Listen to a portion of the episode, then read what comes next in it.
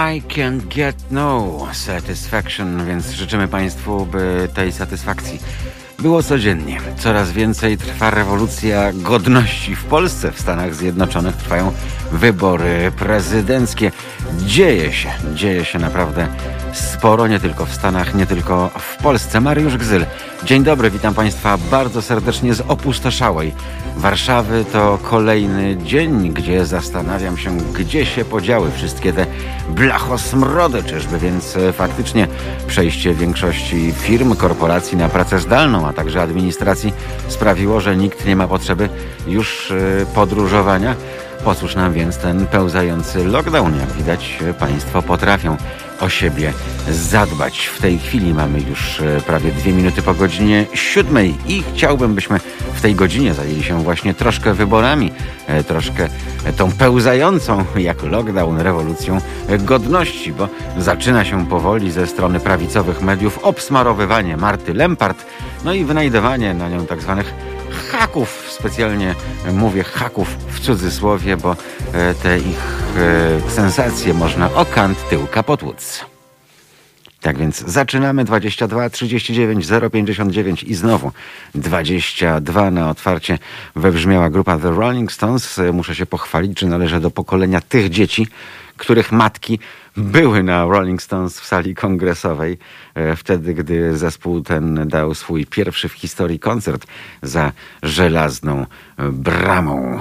Cóż, e, według najnowszych wyników e, prowadzi w Stanach Zjednoczonych jak na razie, jeśli chodzi o ten rozkład głosów elektorskich dziadek starszy, czyli Joe Biden. On, przypomnę, ma 78 lat. Pomarańczowy dziadek młodszy on ma 74 lata, na razie uzyskał 171 głosów elektorskich. Z tego co sprawdzałem, bardzo ciekawie wygląda sytuacja w Teksasie. Jak wiadomo, tym stanem rządzi e, od pokoleń Biblia, e, bardzo purytańscy e, ludzie, no, taki elektorat, można powiedzieć, Prawa i Sprawiedliwości z delikatnym przechyłem na Szymona Hołownię i tam wydawałoby się, że demokraci no, tradycyjnie będą mieli duże kłopoty. Tymczasem wszystko wygląda na to, że w Teksasie właśnie, tam skąd e, strażnik Teksasu, Chuck Norris, państwa ulubiony, pochodzi, idą łeb w łeb, a nawet e, być może z delikatną w ostatnich chwilach przewagą e, właśnie Joe Bidena. Będziemy się temu wszystkiemu przyglądać. Jak wiadomo, ostateczne wyniki wyborów poznamy no, nie wcześniej niż za parę dni, bo tam potem będzie to wielkie liczenie. Miejmy nadzieję, że już nie skończy się takim skandalem jak przed laty, kiedy to na Florydzie wszyscy przez lupę oglądali te karty do głosowania perforowane, czy dziurka jest w odpowiednim miejscu, czy nie. Z kolei w Polsce e, no, już powoli zaczyna się rozkręcać taki e, delikatny hejt y, na przywódczenie ogólnopolskiego strajku kobiet, na naszą autorkę, autorkę Halo Radio Martę Lempart. Już jej tam wyjmują, że e, otóż starała się o pracę w bezpiece. No ale nie, no nie wtedy, kiedy to było e, niemodne i zbrodnicze, czyli w, wtedy, kiedy ja nie mogłem, bo byłem za młody, a chętnie bym wstąpił do takiego departamentu czwartego, bo on, jak Państwo pamiętają albo znają z lekcji historii, zajmował się właśnie Kościołem katolickim. E, nie. Chodzi o to, że już w nowożytniej Polsce, w Polsce wolnej, demokratycznej, e, Marta Lempart złożyła swoje curriculum vitae, swoją aplikację do Agencji Bezpieczeństwa Wewnętrznego. Więc jak rozumiem, generalnie praca w bezpiece jest obciachem, ale myślałem, że w tej bezpiece e, PRL-owskiej, a myślałem, że w wolnej Polsce to jest po prostu patriotyzm i służenie krajowi. Okazuje się, że nie, e, no bo jak trzeba komuś przyłożyć, to mu się wyjmuje e, aplikację do mm, Agencji Bezpieczeństwa Wewnętrznego, co ma być, no nie wiem z jakich powodów, bo tego nie rozumiem, ale kompromitujące dla składającej e, e, taki, taki CV. Tak więc niewiele można znaleźć poza życiorysami członków rodziny, co już się pojawiło, bo widziałem, że prawicowy Twitter w niedzielę już sobie podawał fragmenty biografii, fragmenty życiorysu dziadka Marty Lempart. Oczywiście samo zło, bo po pierwsze no, pochodzenia żydowskiego, co jak wiadomo e, przekreśla e, funkcjonowanie przyzwoitego człowieka e, w Polsce. Po drugie, stopień wojskowy w tamtych czasach. Po trzecie, chyba najgorsze, pracownik cenzury.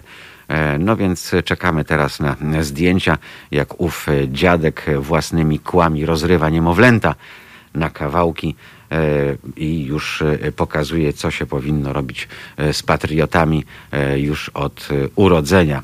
Śmieję się z tego oczywiście, ale z czasem może być tak, że do śmiechu nam nie będzie, bo przypomnijmy, że dziś jest czwarty dzień listopada, środa, a więc za tydzień, też we środę, jakby mogło być inaczej. Zresztą przejdzie ulicami Warszawy wielki marsz. To znaczy, nie wiemy czy wielki, ale e, ci, którzy go organizują, na pewno mają nadzieję, że on takim wielkim będzie. E, marsz niepodległości, a więc wielki ogólnopolski zlot patriotów. No i właśnie, nie wiem, czy nie powinienem powiedzieć patriotów, znowu w cudzysłowie, bo Coraz częściej są to niestety, e, oprócz tych, którzy faktycznie czują więź i chcą świętować zlot o podejrzanej proweniencji ludzi, ludzi, którzy czasem mają brunatne, a czasem wręcz czarne podniebienia, ludzi, którzy nawet swoich nazistowskich czy neonazistowskich, nacjonalistycznych poglądów nie ukrywają. Pojawiły się już y, nawet plakaty mające promować tę imprezę. No i tam polski żołnierz, husarz rozbija e, na kawałki e, taką tęczową mozaikę, wiadomo o co chodzi, wiadomo jakie ma być e, przesłanie. E, przy okazji tutaj trwa poszukiwanie prawdziwych patriotów, e, co jest o tyle trudne, że jak wiadomo, no, najwięksi ludzie kultury, chociażby, prawda, pisarze, literaci to byli przeważnie ludzie pochodzenia żydowskiego, więc jak rozumiem, narodowcy mają tu potężny, potężny problem, ale znaleźli na przykład wielką patriotkę Marię Konopnicką. Podejrzewam, że tylko dlatego, że była popełniła rotę, prawda? Czyli tam nie będzie Niemiec nam pluł w, w twarz i niech nam Bóg dopomoże i wszystko, co z tym związane.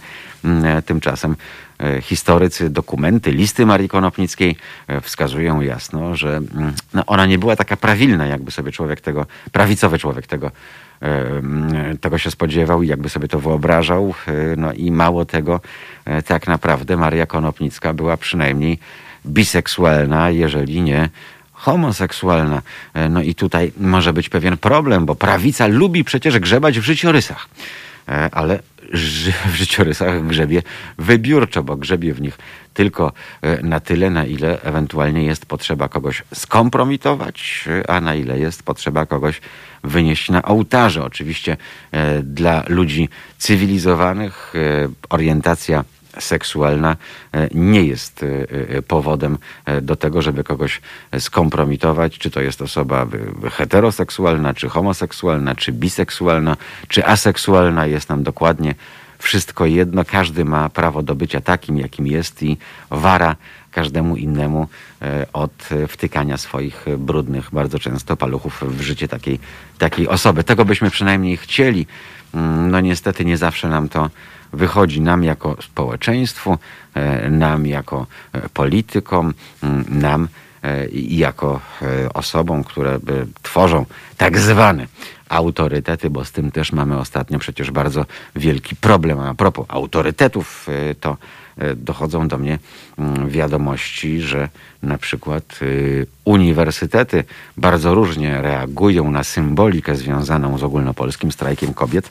No i ostatnio studenci nie zostali przez jednego pana profesora dopuszczeni do wykładu, bo posługiwali się taką symboliką. Ja pamiętam, jak się w szkole e, w latach 80.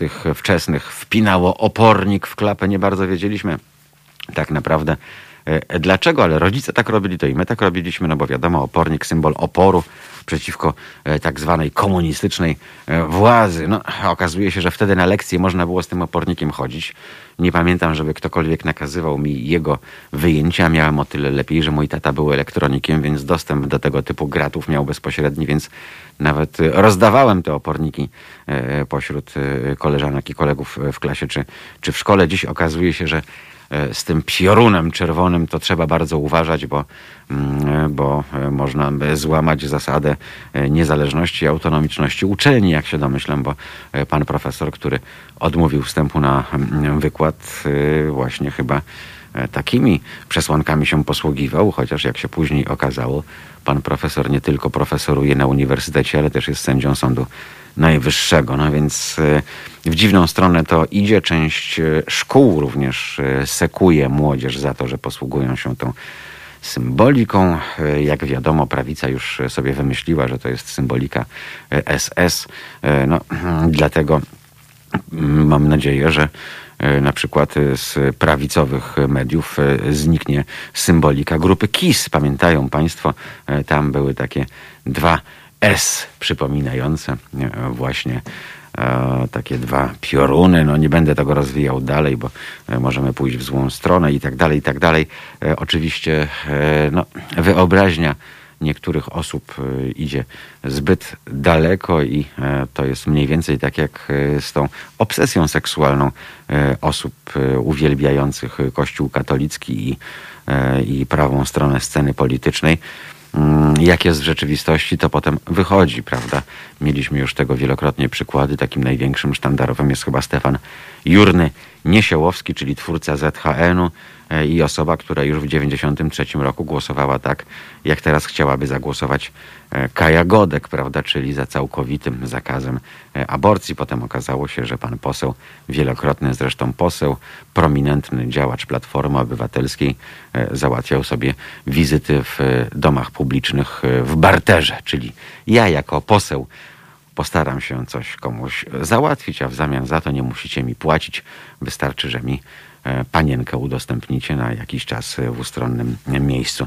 Tak więc to w, znowu taka analogia do Stanów Zjednoczonych, bo uwielbiam tych, którzy grzmią na homolobby, e, potępiają gejów i tak dalej, a potem jako senatorowie e, nagle są gdzieś tam przyłapywani w miejscu ustronnym, jak oddają się właśnie takim jednopłciowym zabawom. A skoro o Stanach mowa, to e, pierwsze takie e, dobre wiadomości w Izbie Reprezentantów e, przewagę uzyskali, bo przypomnę, nie tylko prezydenta Amerykanie wybierają, zyskali właśnie demokraci. Jakby tego było mało. Mówiliśmy wczoraj o, o pani Kamali, która będzie wiceprezydentem. Gdyby Joe Biden wygrał, mamy pierwszą osobę transseksualną E, wybraną właśnie e, do Izby. E, będzie więc pani senator, pani senator, która dokonała zmiany płci. W tej chwili już 13 minut po godzinie siódmej po ósmej, tak mniej więcej, bo nie wiem kiedy dokładnie uda nam się skontaktować, będziemy rozmawiali, proszę Państwa, z kierowcą karetki, bo generalnie wszyscy, którzy pracują teraz w, w szpitalach, którzy pracują w transporcie medycznym, mają, jak się okazuje, zakaz jakiegokolwiek wypowiadania się do mediów. Musieli w 99% podpisać jakieś klauzule poufności.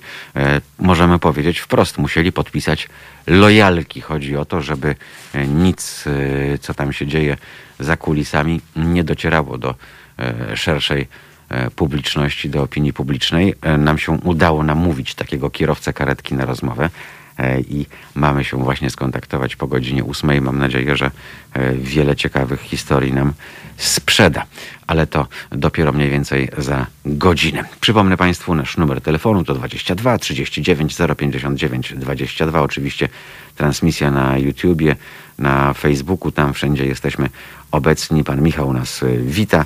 Dzień dobry, pan Sławomir. Serdeczności z pogodnego, ale zimnego.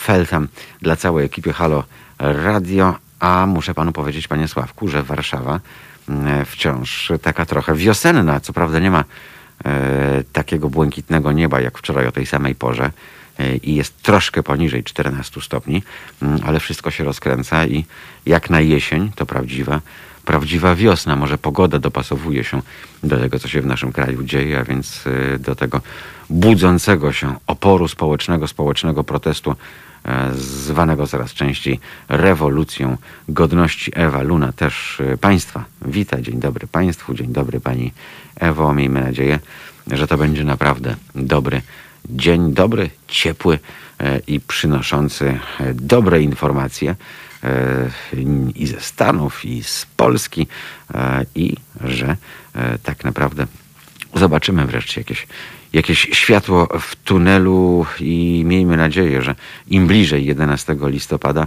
e, tym e, nie będzie się nic e, złego działo, nie będzie żadnych prowokacji, nie będzie żadnych rzeczy wymierzonych przeciwko tysiące, dziesiątki tysięcy, a jak dobrze policzyć, to może okazać się, że i setki tysięcy spacerowiczów, bo spacery ostatnio są w modzie, szczególnie te, te spacery wieczorne. No i czekamy też, co zaproponuje rząd, jeśli chodzi o ten mm, pełzający lockdown, bo to też jest ciekawa sprawa. E, kto wie, czy nie ma dużej pokusy, żeby e, przyjemne z pożytecznym połączyć, e, czyli żeby przy okazji tego E, lockdownu, mm, robiąc go takim całkowitym, nie wprowadzić przepisów, które będą na przykład zakazywały wychodzenia z domu. Tyle, że nie można tego zrobić e, oficjalnie teraz, jak się domyślam, bo taki zakaz wychodzenia z domu, mm, no to byłoby podobnie jak z zakazem e, wizyt na cmentarzach 1 listopada, prawda? Wtedy by się okazało, że ten Marsz Niepodległości nie mógłby się odbyć, no bo skoro zakaz to zakaz chyba, że e, ci wszyscy prawilni i prawomyślni e, stwierdziliby, że e, taki zakaz to można, to można złamać. W stolicy z kolei, tak w cieniu tych wszystkich wydarzeń, dymisja wiceprezydenta Warszawy Pawła Rabieja. Za co? No, za to, że pojechał sobie do Grecji. W Grecji, jak wiadomo, szczególnie tej starożytnej, lubiono, lubiono się dobrze E, zabawić, więc Paweł Rabiej, który przeszedł koronawirusa, stwierdził, że potrzeba nam jest taka dłuższa e, rekonwalescencja w ciepłym klimacie, no i pojechał, e, pojechał nawet nie wiadomo, bo o tym mm, nie ma żadnych doniesień, czy złożył wniosek urlopowy. W każdym razie zapukał do niego Rafał Trzaskowski, a tam gabinet pusty, a gdzie Paweł? No Paweł w Grecji, jak to w Grecji, no pojechał na urlop, więc zrobiła się delikatna afera, bo okazało się, że no, pan prezydent Trzaskowski uznał, że e, o ile on mógł pojechać na długi urlop, e, mimo że zapowiedział powstanie ruchu, mimo że kupy zaczęły się wylewać do Wisły i tak dalej, no to on sobie pojechał i to pojechał na dość długo. Musiał odpocząć po wyczerpującej kampanii wyborczej. Rabiej chciał sobie pojechać i pojechał po wyczerpującym chorowaniu na COVID-19. No i to go kosztowało utratę posady, E, został zdymisjonowany. E, tak więc wiceprezydentem Warszawy będzie teraz pani Kaznowska, e, Paweł Rabiej na aucie. Mam nadzieję, że my nie na aucie, ale w samym centrum wydarzeń razem z Państwem to już środek tygodnia. Kto musi wstawać, to powoli powinien sobie zaparzyć ten taki oto napój. Na pewno będzie mu łatwiej te oczy otworzyć szerzej i E, zdać sobie sprawę z otaczającej nas rzeczywistości, chociaż nie zawsze to służy naszemu zdrowiu psychicznemu. Zagrajmy wobec tego już e, za chwil kilka. Wracamy do Państwa. W tej chwili już 26 minut, dokładnie. Po godzinie siódmej Państwo piszą, że właśnie poszli sporządzać sobie czarny e, napój. Mnie się mleko skończyło, nie wiem co zrobię, jakoś tak lubię. Z mlekiem, jak to na południu Polski mówią, kawa biała. Zawsze jestem zaskoczony, jak pani kelnerka albo pani sprzedawczyni na stacji paliw. Biała czy czarna? No, z mlekiem, ale biała czy czarna? No z mlekiem i tak dalej, i tak dalej. Czasami trudno się ze względu na niektóre regionalizmy e, dogadać. Ciekaw jestem, czy, czy Państwo e, widzieli już naszą ciężarówkę na ulicach, e, bo przedwczoraj e, ona wyjechała. Wyjechała w trasę, trochę kłopotów było, bo została obsmarowana taką brunatną mazią, czyli przepracowanym olejem, no ale udało się, ciężarówka cały czas krąży od 2 listopada do 8, czyli jeszcze przez 4 dni będzie krążyła ulicami Warszawy. To przypomnę ciężarówka, która promuje naszą kampanię Ile kosztuje nas Kościół? Zgodnie z zapowiedziami, dzisiaj na ulicę Warszawy wyjechało nasze kampanijne auto. Chodzi oczywiście o kampanię Ile kosztuje nas Kościół? A jak zapewne Państwo wiecie, to kwota co roku prawie 20 miliardów złotych.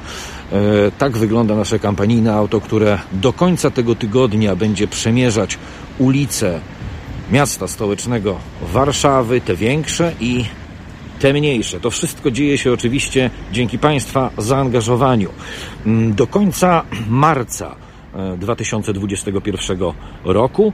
Nasze auto odwiedzi kilkanaście miast w całej Polsce. W każdym spędzi tydzień i tylko od Was zależy, czy ta akcja będzie trwała dalej. Dlatego przypominam, zrzutka.pl ukośnik kampania. Tam można wspierać nasze wspólne działania na rzecz edukacji obywatelskiej, edukacji społecznej. Bo skoro szpitale zadłużone są na kwotę 14 miliardów złotych, a roczny koszt kościoła e, zamyka się w kwocie prawie 20 miliardów złotych, to potrzeba takiej kampanii jest oczywiście w pełni uzasadniona.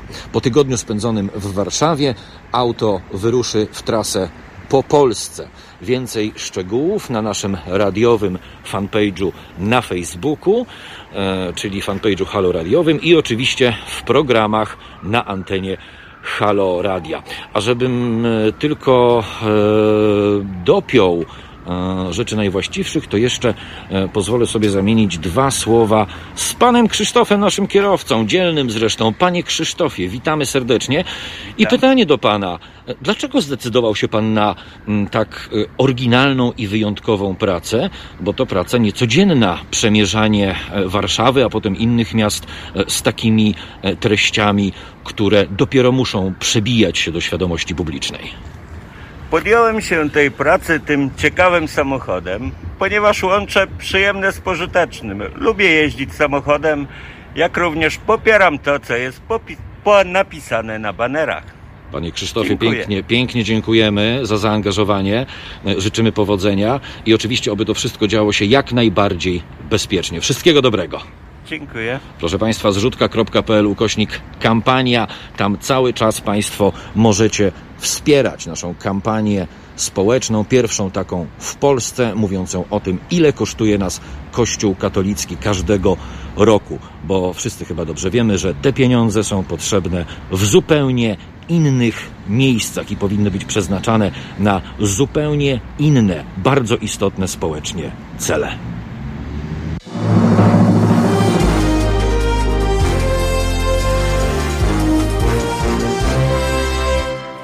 Od razu z Warszawy e, ciężarówka pojedzie S8, jak się domyślam, w stronę e, ściany wschodniej, północnego wschodu, dokładnie do, do Matecznika. E, Ludzi, którzy lubią zamawiać pięć piw, czyli do Białego Stoku. No, mam nadzieję, że tam nie będzie żadnego smarowania różnymi substancjami, ani nic złego się nie stanie, e, bo różnie z tym e, bywa. W Białymstoku pojeździ do od 9 do 15 listopada, no a później e, troszkę w dół, czyli do Białej Podlaskiej, a zakończy listopadową podróż w Lublinie, gdzie będzie jeździła po ulicach od 23 do 29 listopada. Jeśli Państwo złapią gdzieś e, w ruchu e, to nasze auto, bardzo prosimy e, pstryknąć fotkę telefonem i do nas ją przysłać. Zbieramy wszystkie takie zdjęcia w celach dokumentacyjnych e, i chętnie je będziemy dla Państwa tutaj e, pozostałych widzów, słuchaczy e, publikować. A skoro już o, e, o tej instytucji e, mowa, to wróćmy jeszcze na chwilę do, do sondażu, który został przeprowadzony mm, na zlecenie RMF-u i Dziennika Gazety Prawnej. E, Przypomnę Państwu, że Polacy zostali zapytani e, o swoją własną ocenę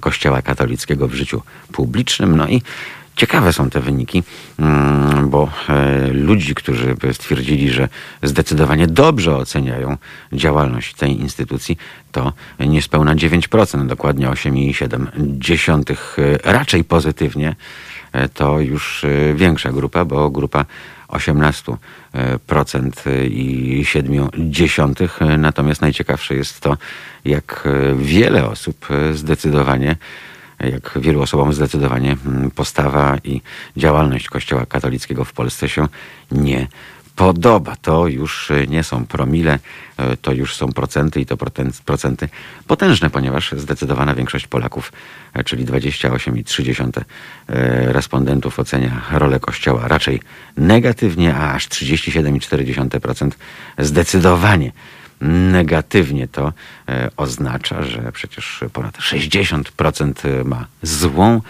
opinię. E, no i ciekaw jestem, e, jeżeli e, protest, ten protest ogólnopolskiego strajku kobiet będzie trwał, a wszystko na to się zanosi, że panie są zdeterminowane i nie będą ustępowały i że każdego dnia można się spodziewać protestów w różnych miejscach Polski, jak to wpłynie na kształtowanie tej opinii, a z drugiej strony, jak dużym poparciem ogólnopolski strajk kobiet będzie się wśród społeczeństwa cieszył, skoro E, przeszło 60% e, ocenia rolę Kościoła negatywnie, a przypomnijmy tak naprawdę, e, mimo tych haseł wznoszonych przeciwko partii rządzącej, na ci i na, i na ci. Jedne się zaczynają na W, drugie na J.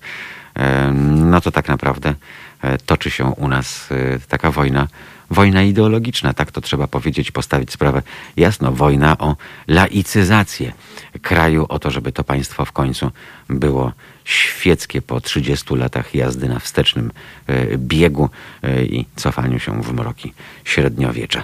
E, jeżeli chodzi o mm, to, jak rozkładał się wiek, to tych, którzy negatywnie oceniają postawę Kościoła, to najczęściej są to panie i panowie do 39 roku życia. Oczywiście nikogo nie zdziwi, że ci, którzy powiedzieli zdecydowanie nie, to w lwiej części, czyli przeszło 80% e, ludzie, którzy głosują na lewicę.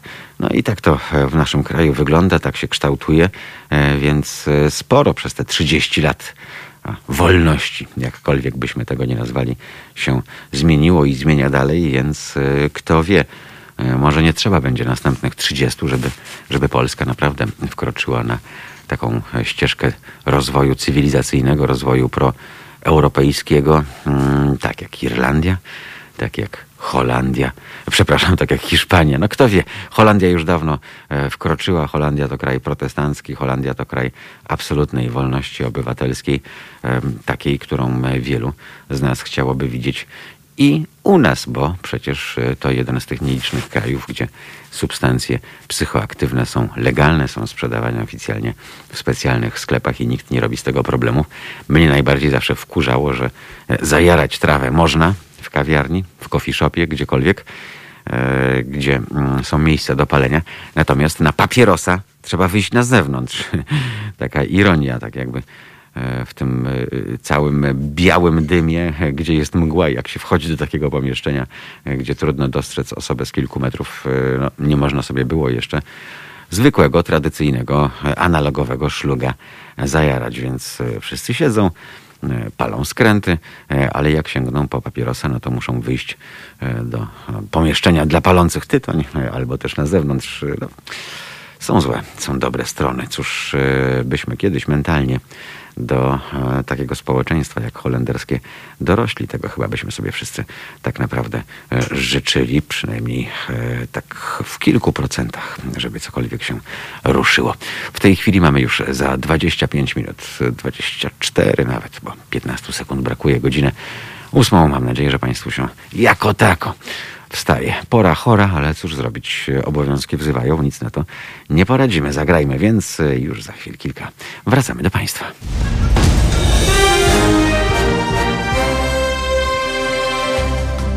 Halo Radio.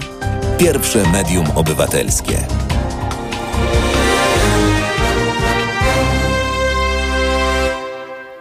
Podglądamy cały czas, e, co się dzieje za wielką wodą. No i okazuje się, że pomarańczowy dziadek e, wygrywa na Florydzie. Uzyskał tam 5 milionów 600 tysięcy głosów, e, co pozwoliło mu zdobyć 29 głosów w kolegium elektorów. No i jeżeli weźmiemy pod uwagę, że wygrał w Stanach, w których tradycyjnie rządzi Biblia, w których jest purytańskie społeczeństwo i w których tradycyjnie strzela się do ginekologów, którzy przeprowadzają aborcję, czyli Ohio i Texas, e, no to okazuje się, że, że wcale jeszcze nie wypadł z gry, że ta e, walka o pozostanie na drugą kadencję staje się bardzo realna. No i ciekaw jestem, czy będziemy się znowu śmiali z Ameryki. Tak często wszyscy mogą śmiać się z Polski, patrząc na ten cyrk polityczny, który tu się wyprawia, więc miejmy i my swoje pięć minut w takiej sytuacji i pośmiejmy się z Ameryki. Chociaż tak naprawdę nikomu nie powinno być, szanowni państwo, do śmiechu, bo tak się zastanawiam, czy gdyby taki Donald Trump, e, człowiek e, no, o którym można wiele powiedzieć i mało dobrego. I to niemal w każdej dziedzinie życia. Gdyby on stanął do wyborów w Polsce, to on by je wygrał w cuglach. Tak mi się wydaje, niestety. Coś mamy, a raczej czegoś nie mamy. Podobnie jak społeczeństwo amerykańskie, gdzieś jest w tych głowach taki taki nie do końca ścięty, może przylakierowany, może delikatnie przyczesany kołtun, ale jednak e, jest, e, no i te, te hasła populistyczne trafiają tam naprawdę na podatny grunt, e, czego efektem są dochodzące wciąż wyniki wyborów, mimo wszystkiego tego, co Trump w czasie swojej pierwszej kadencji zrobił. Nie było dnia, nie było tygodnia, by ten pomarańczowy dziadzio się po prostu nie, nie skompromitował. Najbardziej zastanawia mnie to, że lubię, ludzie kupują te, te narracje pod hasłem lubię lubię go, lubię tego faceta, e, bo on jest szczery, bo mówi to, co, to, co myśli. E, no, tyle, że e, no, opowiada głupoty, prawda?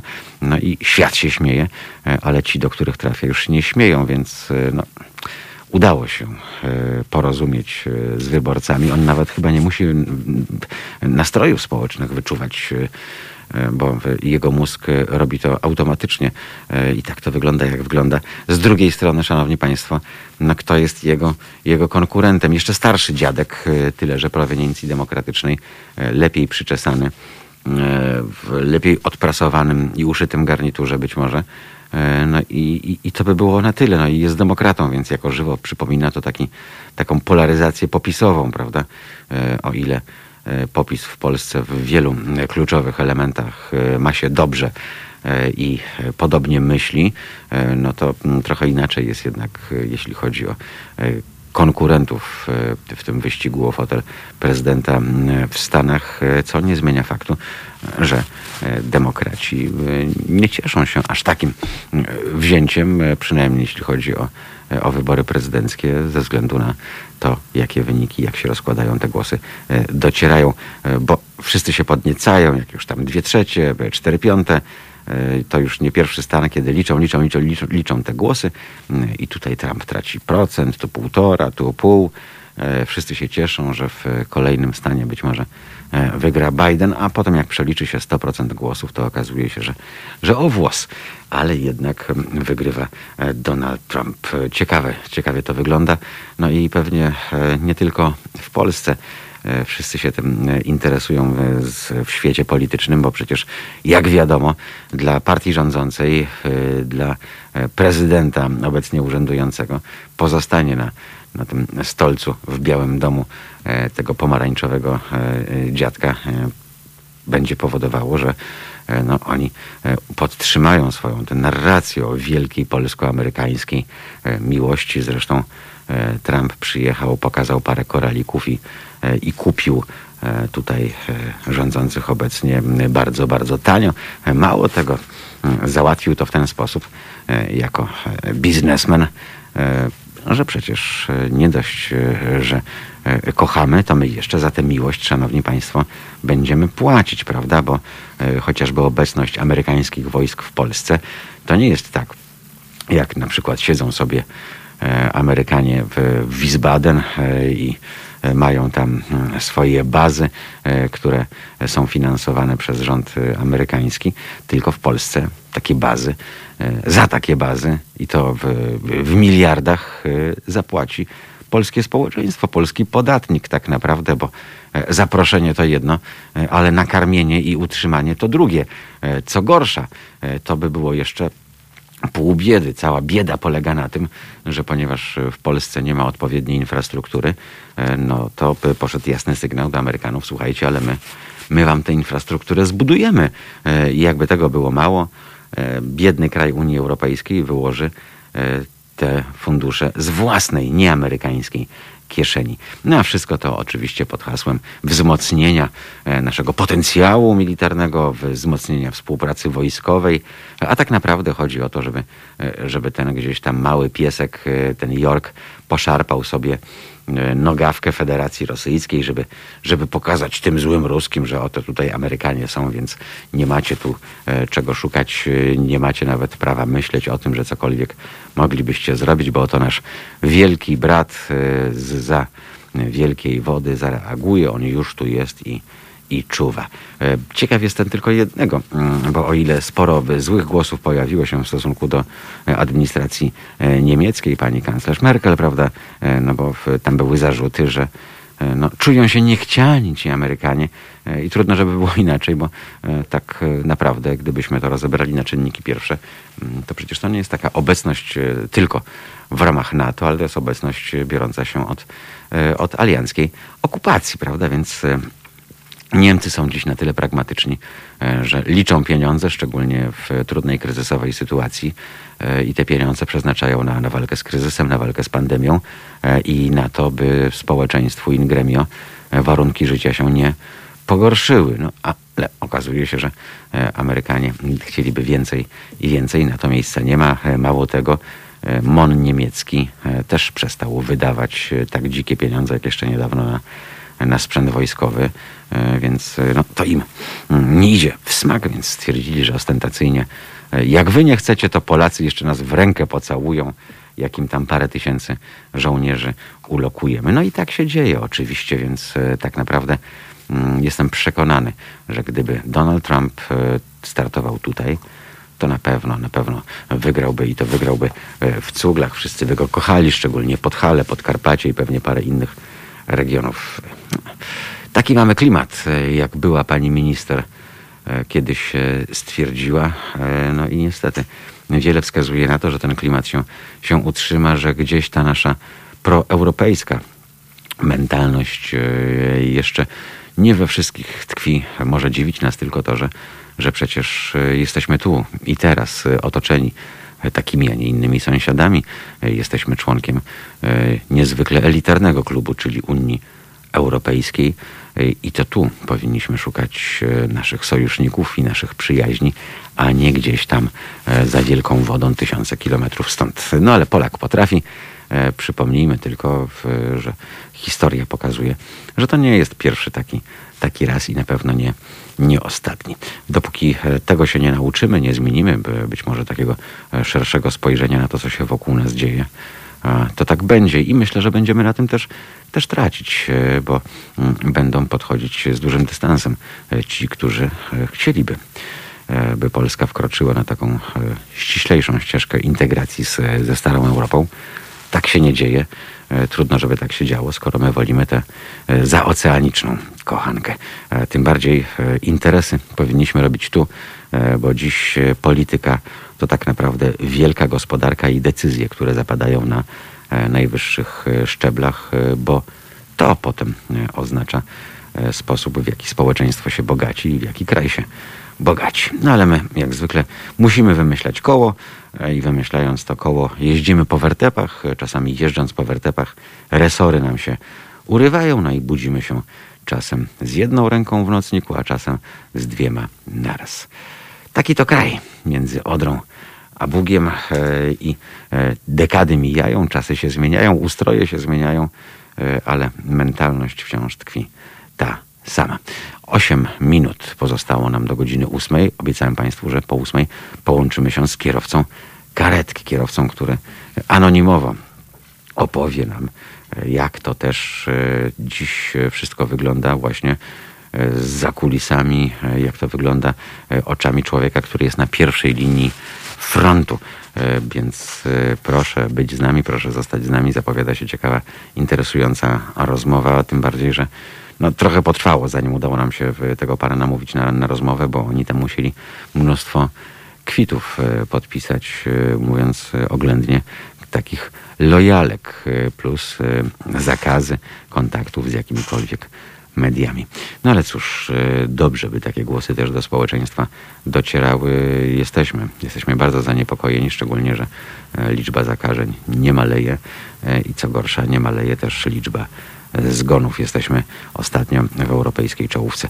Miejmy nadzieję, że e, to się zacznie wypłaszczać i zmieniać i miejmy nadzieję, że nie posłuży do walki, do walki politycznej, bo tego by chyba nikt z nas nie chciał. Gramy i za chwilę do Państwa wracamy. Halo Radio. Pierwsze radio z wizją. Już e, za minutę będzie godzina ósma, to jest środa. Czwarty dzień listopada, e, już e, za chwilę pan pomarańczowy będzie, będzie przemawiał. E, No i ciekaw jestem, co też z siebie wydali, bo przecież on e, mówi to, co myśli, e, tylko pytanie, co on teraz myśli. Jak na razie Trump 213 głosów elektorów, Biden 220, a więc naprawdę wszystko, wszystko może się jeszcze wydarzyć. No i ciekaw jestem, czy ten cyrk będzie trwał dalej. Cyrk pod tytułem Pomarańczowa Małpa z brzytwą. E, No, tego Ameryka e, jeszcze nie doświadczyła, e, aż przez dwie kadencje. Bywali różni prezydenci, bywali alkoholicy totalni, tak jak e, Bush junior, którzy w ogóle nie radzili sobie z tym, co się dzieje wokół. No, zobaczymy, jak to będzie, e, gdyby się okazało, że Donald Trump e, jednak mimo wszystko, mimo tych wszystkich starań em, demokratów, e, by ich kandydat Joe Biden e, zajął miejsce w Waszyngtonie. E, No, gdyby to wszystko sczezło na niczym e, tak naprawdę. E, Cóż, e, bardzo ciekawie się to zapowiada. E, Zobaczymy, co z siebie wyda e, urzędujący wciąż prezydent, e, a tymczasem mamy, mamy telefon. Obiecaliśmy Państwu e, rozmowę. E, Halo, halo, dzień dobry. Witam serdecznie. E, Mówiliśmy już o tym na antenie, e, o tym, że e, trudno dziś e, wypowiadać się o kulisach pracy e, w służbie zdrowia wśród białego personelu, szczególnie jeżeli jest się na tej pierwszej e, linii frontu, przede wszystkim ze względu na to, że państwo musieli podpisać wiele dokumentów zobowiązujących do, do poufności, do lojalności e, i Pandemia trwa już e, od kilku e, miesięcy. Czy cokolwiek e, z pańskiego punktu widzenia zmieniło się na lepsze? Mieliśmy pierwszy lockdown, potem były wakacje, a więc można byłoby się domyślać, że taki lekki oddech, który kraj złapał, jeśli chodzi o rozprzestrzenianie się COVID-19, zostanie wykorzystany, by wzmocnić służbę zdrowia, by wzmocnić system i dopracować procedury. Jak to wygląda realnie? Witam pana jeszcze raz serdecznie, witam państwa. E, No w zasadzie z mojej perspektywy, jako ratownika medycznego, e, pracującego blisko 10 lat w zawodzie, e, no ciężko jakby znaleźć mi słowa, które mogą opisać tą sytuację, która teraz nas spotkała. Bo w zasadzie sytuacja jest dramatyczna. Jeżeli mówimy o ochronie zdrowia, to tak naprawdę system ratownictwa medycznego i leczenia przedszpitalnego zupełnie nie istnieje w tym kraju od, od w zasadzie dwóch, trzech tygodni. E, No bo ciężko mówić o, o ratownictwie medycznym, kiedy pacjenci umierają w, w kolejce na SOR, umierają w karetce e, lub po prostu czekają kilka godzin na, na przyjazd zespołu ratownictwa medycznego, więc tutaj o, o ratownictwie medycznym nie ma mowy. Natomiast e, mówimy o tym okresie od, od tak zwanej pierwszej fali do, do chwili obecnej. No według mnie ten okres został niestety troszeczkę zaprzepaszczony. To, to było kilka miesięcy, które mogliśmy naprawdę bardzo efektywnie wykorzystać. Czyli takie a- uśpienie, samozadowolenie, że to już e, tyle, jeśli chodzi o pandemię i nic więcej nam nie grozi. Były przecież e, badania e, robione, które wskazywały, że ta prawdziwa fala przyjdzie jesienią i to się niestety dzieje. No tak, tak. Troszeczkę, tutaj troszeczkę, że tak powiem, rządzący zbagatelizowali problem. E, wydaje mi się, że też społeczeństwo troszeczkę uśpiła e, ta pierwsza fala, która nie okazała się taka, e, teraz z perspektywy czasu, nie okazała się taka, taka groźna. Natomiast no, w tym momencie wiadomo było, że na jesień e, przyjdą też inne choroby.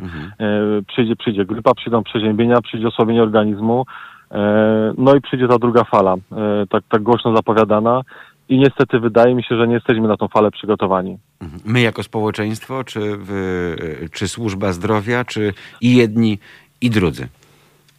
Wydaje mi się, że, że tak naprawdę wina tutaj leży po, po obu stronach. W sensie em, po stronie rządzącej i, po- i, i, i po stronie społeczeństwa. Ja absolutnie nie chcę, nie chcę obywateli oskarżać o, o rozprzestrzenianie się pandemii.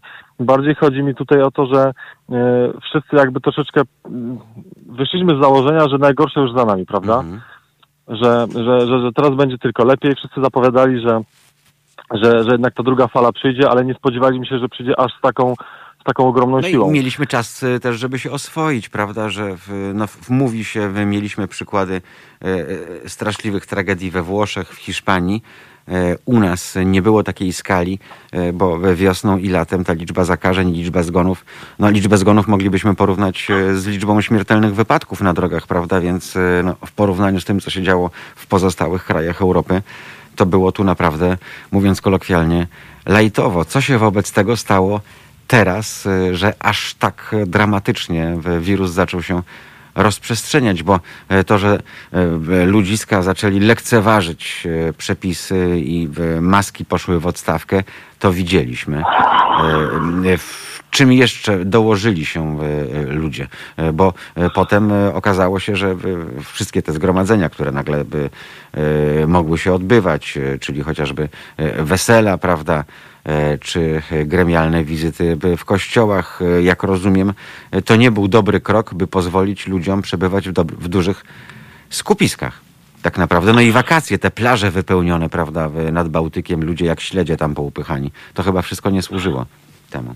No absolutnie, absolutnie. Tak te, również nie służyło e, rozwojowi pandemii e, otwarcie szkół. Tak Mhm. jest moje zdanie. Mhm. Wydaje mi się, że w tym okresie początek września, e, mówię o pierwszym początku, pierwszym e, dwóch tygodniach września, Mhm. e, październik, naprawdę mieliśmy dużo dużo wyjazdów do potwierdzonych zachorowań na COVID lub też osób z kwarantanny, gdzie właśnie źródłem zachorowania, źródłem tej kwarantanny były dzieci, które chodziły do szkoły. Okazywało się, że nauczycielka jest chora i i cała klasa w tym momencie została Mhm. Wysłana na kwarantannę i nierzadko niestety okazywało się, że to właśnie było źródło tego zachorowania, którego pokłosie poniekąd też zbieramy teraz. E, Otwarcie, tak jak pan wspomniał, otwarcie, e, p- przepraszam, wyjazdy wakacyjne. Ludzie masowo uderzyli nad polskie morze, nad polskie góry i niestety teraz no o- od tego czasu ta pandemia zaczęła e, żyć własnym życiem, zaczęła po prostu się rozprzestrzeniać w niekontrolowany sposób, bo myślę, że w tym momencie nikt nad tym już nie panuje. Zarówno sanepid, jak i strona rządząca, jak i medycy po prostu przestali, przestali trywialnie mówiąc ogarniać, co się dzieje. No właśnie, przestali ogarniać, co się dzieje. E, Tymczasem COVID COVIDem, e, ale Polacy nie przestali e, chorować na inne schorzenia i to rodzi problemy, bo tak naprawdę nie brakuje przypadków, tak jak pan wspomniał, że karetka po prostu nie dojechała. Nie wiem, ktoś zasłabł na ulicy, prawda? I możemy dzwonić e, po karetkę, ale możemy się nie doczekać. e, I e, były takie przypadki i są, e, kiedy po prostu e, zespół nie dojechał i, i człowiek zszedł, był, prawda, na, na tej ulicy. E, To się, to się będzie nasilać, e, czyli e, po prostu powinniśmy e, to się łatwo mówi, uzbroić się w cierpliwość i na razie wstrzymać się z chorowaniem, bo e, rozumiem, że teleporady to jedno, ludzie mają problemy, żeby zdobyć receptę, e, ci, którzy leczą się długotrwale i tak dalej, i tak dalej, e, ale pozostaje cała ta masa zdarzeń nagłych, prawda, które wymagają natychmiastowej, ratującej życie interwencji. I to jest chyba w tej chwili największa bolączka. No dokładnie. Jakby nie, nie wyeliminowaliśmy chorób typu udary, zawały, Zawały, tak e, Mhm. nagłe zatrzymanie krążenia. Wypadki komunikacyjne dalej, e, dalej są. E, Różnego typu urazy. Niestety choroba, jaką jest COVID, angażuje strasznie, angażuje strasznie dużą ilość personelu medycznego i strasznie dużą ilość sprzętu medycznego. I tutaj w tym momencie okazuje się, że pacjenci, którzy chorują na COVID, e, e, to nie jest sytuacja, kiedy pacjent po zachorowaniu 2-3 dni później wychodzi, Mhm. wychodzi do domu e, z lekkimi objawami. To są pacjenci, którzy tygodniami leżą na tych oddziałach. Tygodniami. Są potrzebne Tygodniami. tygodniami. Mhm. Tygodniami. Ja mam pacjentów, którzy, z, którymi jestem w kontakcie poprzez moje koleżanki Mhm. z, z, ze szpitala, po prostu dowiaduję się, w jakim oni są stanie. Są pacjenci, którzy leżą miesiąc, 5-6 tygodni, kilka, kilka tygodni pod respiratorem, e, wymagają intensywnej tlenoterapii. E, Nawet, nawet, nawet po ozdrowieniu ci pacjenci muszą przez kilka, kilkanaście dni przebywać w szpitalu, e, ponieważ są to w tak złej kondycji. E, Mówię tutaj zwłaszcza, o, e, zwłaszcza o schorowanych osobach starszych, niestety, które fatalnie przechodzą ten, tego wirusa. Natomiast, tak jak mówiliśmy, nie wyeliminowaliśmy pewnych chorób, które zawsze były i będą. Są udary, są zawały, różnego typu em, rodzaju urazy. Proszę sobie wyobrazić, że na przykład w przypadku mm, dość potężnego, e, skomplikowanego złamania będzie wymagany zabieg operacyjny, który będzie ciężki do przeprowadzenia, ponieważ wszystkie respiratory w danym szpitalu są na przykład na oddziale zakaźnym lub inten- intensywnej terapii, e, służą pacjentom covidowym, więc em, uśpienie takiego pacjenta do zabiegu no, jest niemożliwe. I często ci pacjenci godzinami czekają, po kilkanaście godzin czekają na e, zabieg ratujący życie. E, No, no niestety, no, doszło do paraliżu e, ochrony zdrowia, bo, bo, bo inaczej tego nazwać się nie da po prostu. Ten paraliż jest związany z niewystarczającą liczbą sprzętu i, i personelu, z niewłaściwym zarządzaniem, z rzucaniem sił nie na te odcinki, na które trzeba. Jak pan to widzi?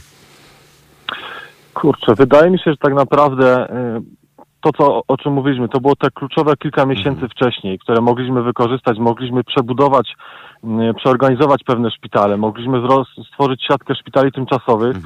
Natomiast my tak naprawdę zaczęliśmy, w sensie mówię my, jako, jako państwo polskie, y, nasi rządzący zaczęli jakby dostrzegać problem dopiero kiedy przekroczyliśmy tą magiczną barierę 10 tysięcy. E, Wtedy zaczęły się jakieś takie gwałtowne ruchy, zaczęło się budowanie tymczasowych izolatek, stadionu narodowego, przerabianie na, e, na szpital. Zaczęły się, zaczęły się takie heroiczna tak naprawdę walka o każde miejsce, o każde łóżko, każdą e, rękę do pracy, ale to jest trochę za późno niestety, E, bo w tym momencie pandemia już tak powiedziałem zaczęła żyć własnym życiem i, i, i brakuje tak naprawdę no wszystkiego łącznie z, w ostatnich dniach nawet brakuje tlenu, więc, Mm. więc, y, więc sytuacja jest naprawdę bardzo poważna. No ale to E. zastanawiające jest jedno, bo ja rozumiem polityków o tyle, że oni nie chcieli wysyłać do społeczeństwa negatywnego sygnału, prawda? Bo gdyby, wyobraźmy sobie, e, taki stadion narodowy zaczęto zamieniać w szpital w lipcu, sierpniu, to e, zaraz poszedłby głos w opinii publicznej, że coś ukrywają przed nami, e, bo na wszelki wypadek budują. No, tacy już jesteśmy, prawda? My lubimy też teorie spiskowe. E, Zresztą sam pan zwrócił uwagę w czasie pandemii, ilu takich, no nazwę ich ogólnie płaskoziemców się pojawiło, prawda? Niewierzących w pandemię, niewierzących Dokładnie. w wirusa, uważających, że to jest wielka ściema, że to jest jakiś spisek, że to jest robota tych od 5G i tak dalej. No tego bajdurzenia ze wszechmiar e, słyszeliśmy e, sporo, również ludzi e, z tytułami naukowymi, nie do końca z tytułami naukowymi, e, które sprawiałyby, że mają coś do powiedzenia w danej dziedzinie, prawda, czyli dziedzinie e, pandemii czy, czy zdrowia, więc e, takich idiotyzmów też poszło w świat cała masa w tym czasie.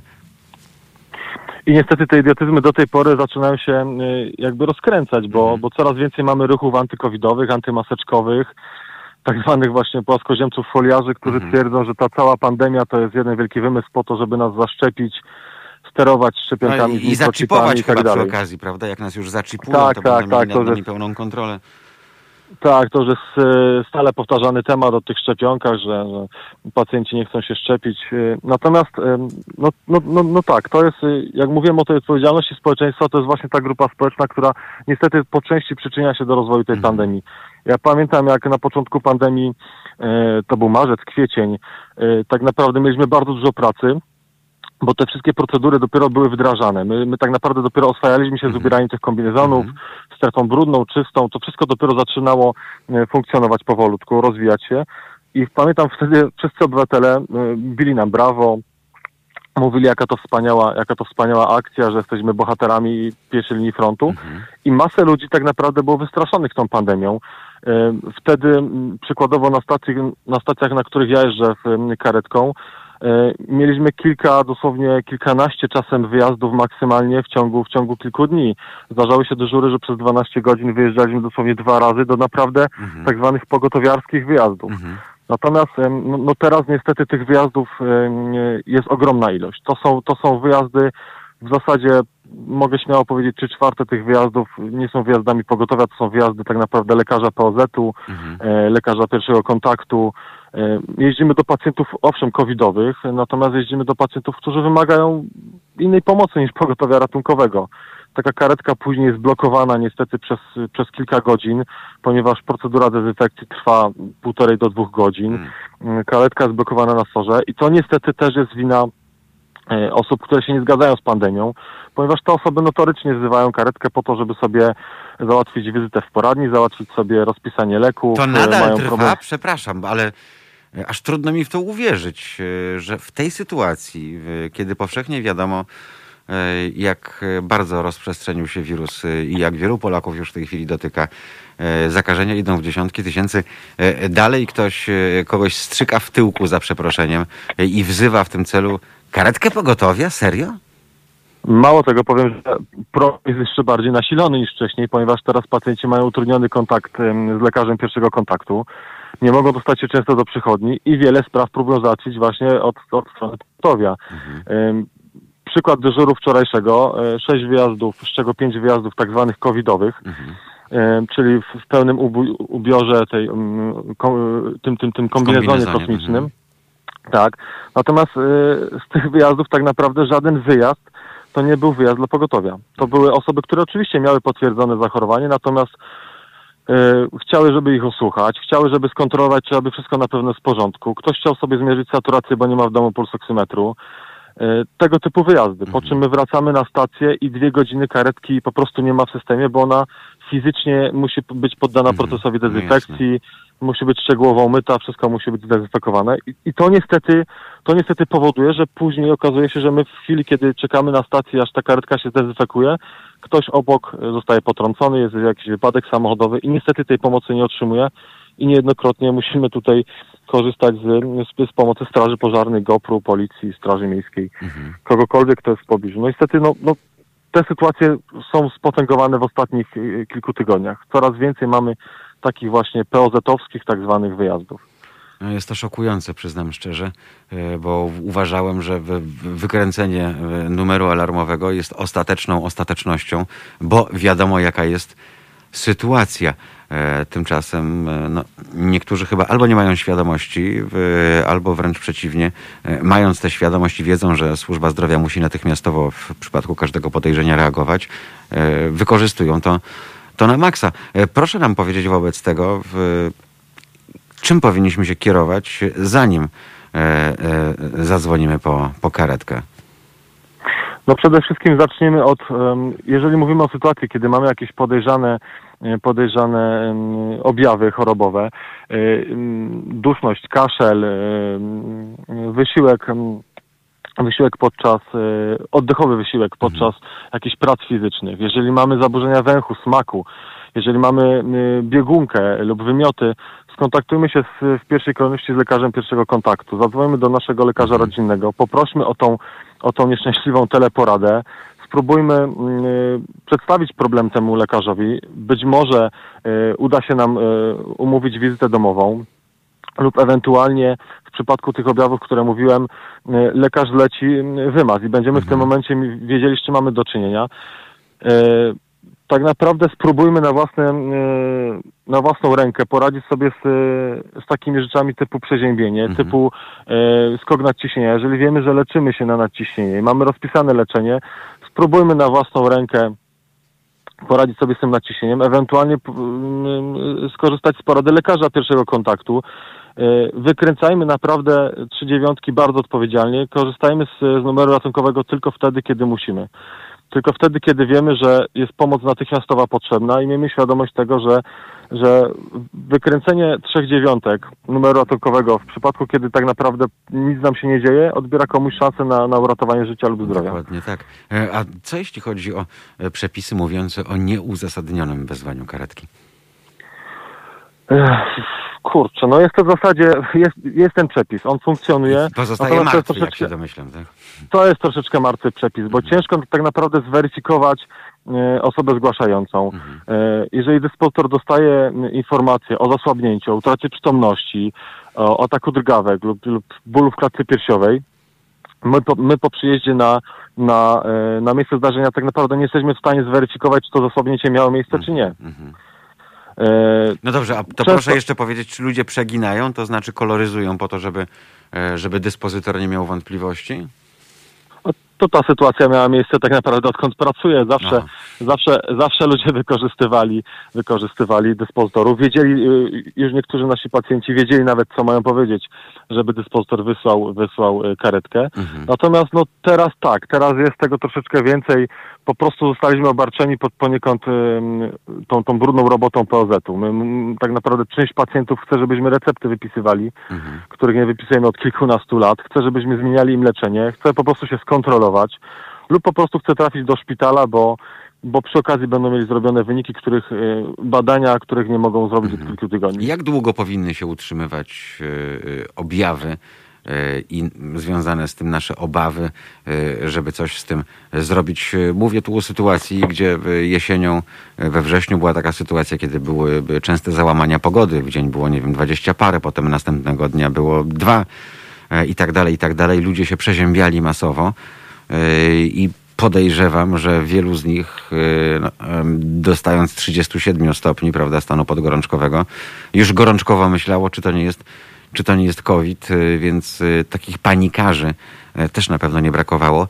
Jak długo muszą się takie objawy e, utrzymywać pod tytułem, nie wiem, biegunka, ten długotrwały kaszel, e, wszystko, co jest związane z, z objawami COVID-u, tak, e, żeby te podejrzenia stały się dla nas jaśniejsze i e, czy w związku z tym e, powinniśmy też brać pod uwagę to, w jakim jesteśmy wieku i ogólnie jaki był nasz dotychczas stan zdrowia, żeby właśnie niepotrzebnie nie, nie histeryzować, bo domyślam się, że zupełnie inna bajka jest w przypadku osób w podeszłym wieku, prawda, bo ich może tak naprawdę zabić wszystko, tak, bo chorują na wiele schorzeń.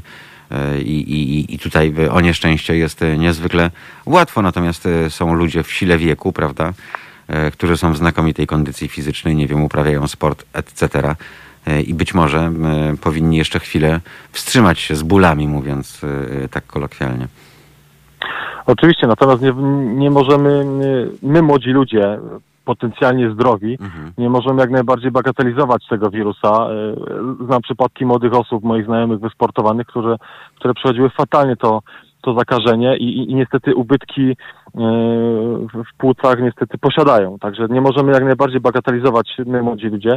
Natomiast przede wszystkim musimy chronić osoby starsze. To są te osoby, to jest ta grupa społeczna, która najciężej przechodzi przechodzi to zarażenie i niestety No największe ryzyko zgonu, prawda, w, przy okazji. Największa śmiertelność, tak, niestety największa śmiertelność jest w tej grupie wiekowej yy, 60 plus. Jeszcze jak to są osoby obciążone kardiologicznie, neurologicznie, cukrzycą, innymi chorobami, no niestety to się, to się czasem kończy fatalnie. A zazwyczaj są, no taka jest prawda. Jak nie jednym, to Tak, napra- Mhm. tak naprawdę większość społeczeństwa choruje na choroby typu cukrzyca, nadciśnienie, problemy kardiologiczne. Młodzi ludzie e, często obciążeni e, sercowo, więc, Mhm. więc jak, jak, nie możemy bagatelizować, nawet my młodzi ludzie nie możemy bagatelizować. Przede wszystkim musimy chronić seniorów. E, Musimy mieć świadomość tego, że zabranie takiej starszej osoby do szpitala często będzie się kończyło tym, że no po prostu w obecnej sytuacji pacjenci zdrowi leżą na jednej sali z pacjentami potencjalnie zakażonymi. E, Izolatki, które nie do końca funkcjonują, są przepełnione, więc miejmy świadomość tego, że pacjent, który trafi do szpitala, jeżeli nie jest zakażony, jest duże prawdopod- prawdopodobieństwo, że po prostu będzie zakażony na terenie szpitala. E, Aż do tego stopnia. napra- mhm. Aż do tego stopnia. Nie mówię oczywiście o wszystkich, o, o wszystkich szpitalach, natomiast większość szpitali niestety no jest przepełniona. E, brakuje personelu. Ten personel po prostu nie ma fizycznie możliwości em, em, zajmować się wszystkimi pacjentami w taki sposób, jak to powinno być, Mhm. e, jak to powinno mieć miejsce. No, no, e, naprawdę zabieranie seniora do szpitala w tym momencie może się okazać, że to będzie dla niego wyrok lub po prostu przypieczętujemy Mhm. to, że to zakażenie tak naprawdę złapie e, w szpitalu. Dobrze, Miejmy to, to, to, to, to tego, że- przepraszam, to co robić? Yy, yy, Robić wymaz, kierować się na, na testy? Co by pan doradzał w takiej sytuacji, jeżeli, jeżeli mieszkamy ze starszymi rodzicami, jeżeli mieszkamy z dziadkami? e, Nie chcemy No. ryzykować, a, a są sytuacje, ponieważ setki tysięcy Polaków gnieździ się pod jednym dachem w takich właśnie jednopokoleniowych domach, że tam są ludzie od lat pięciu do, do 105, prawda?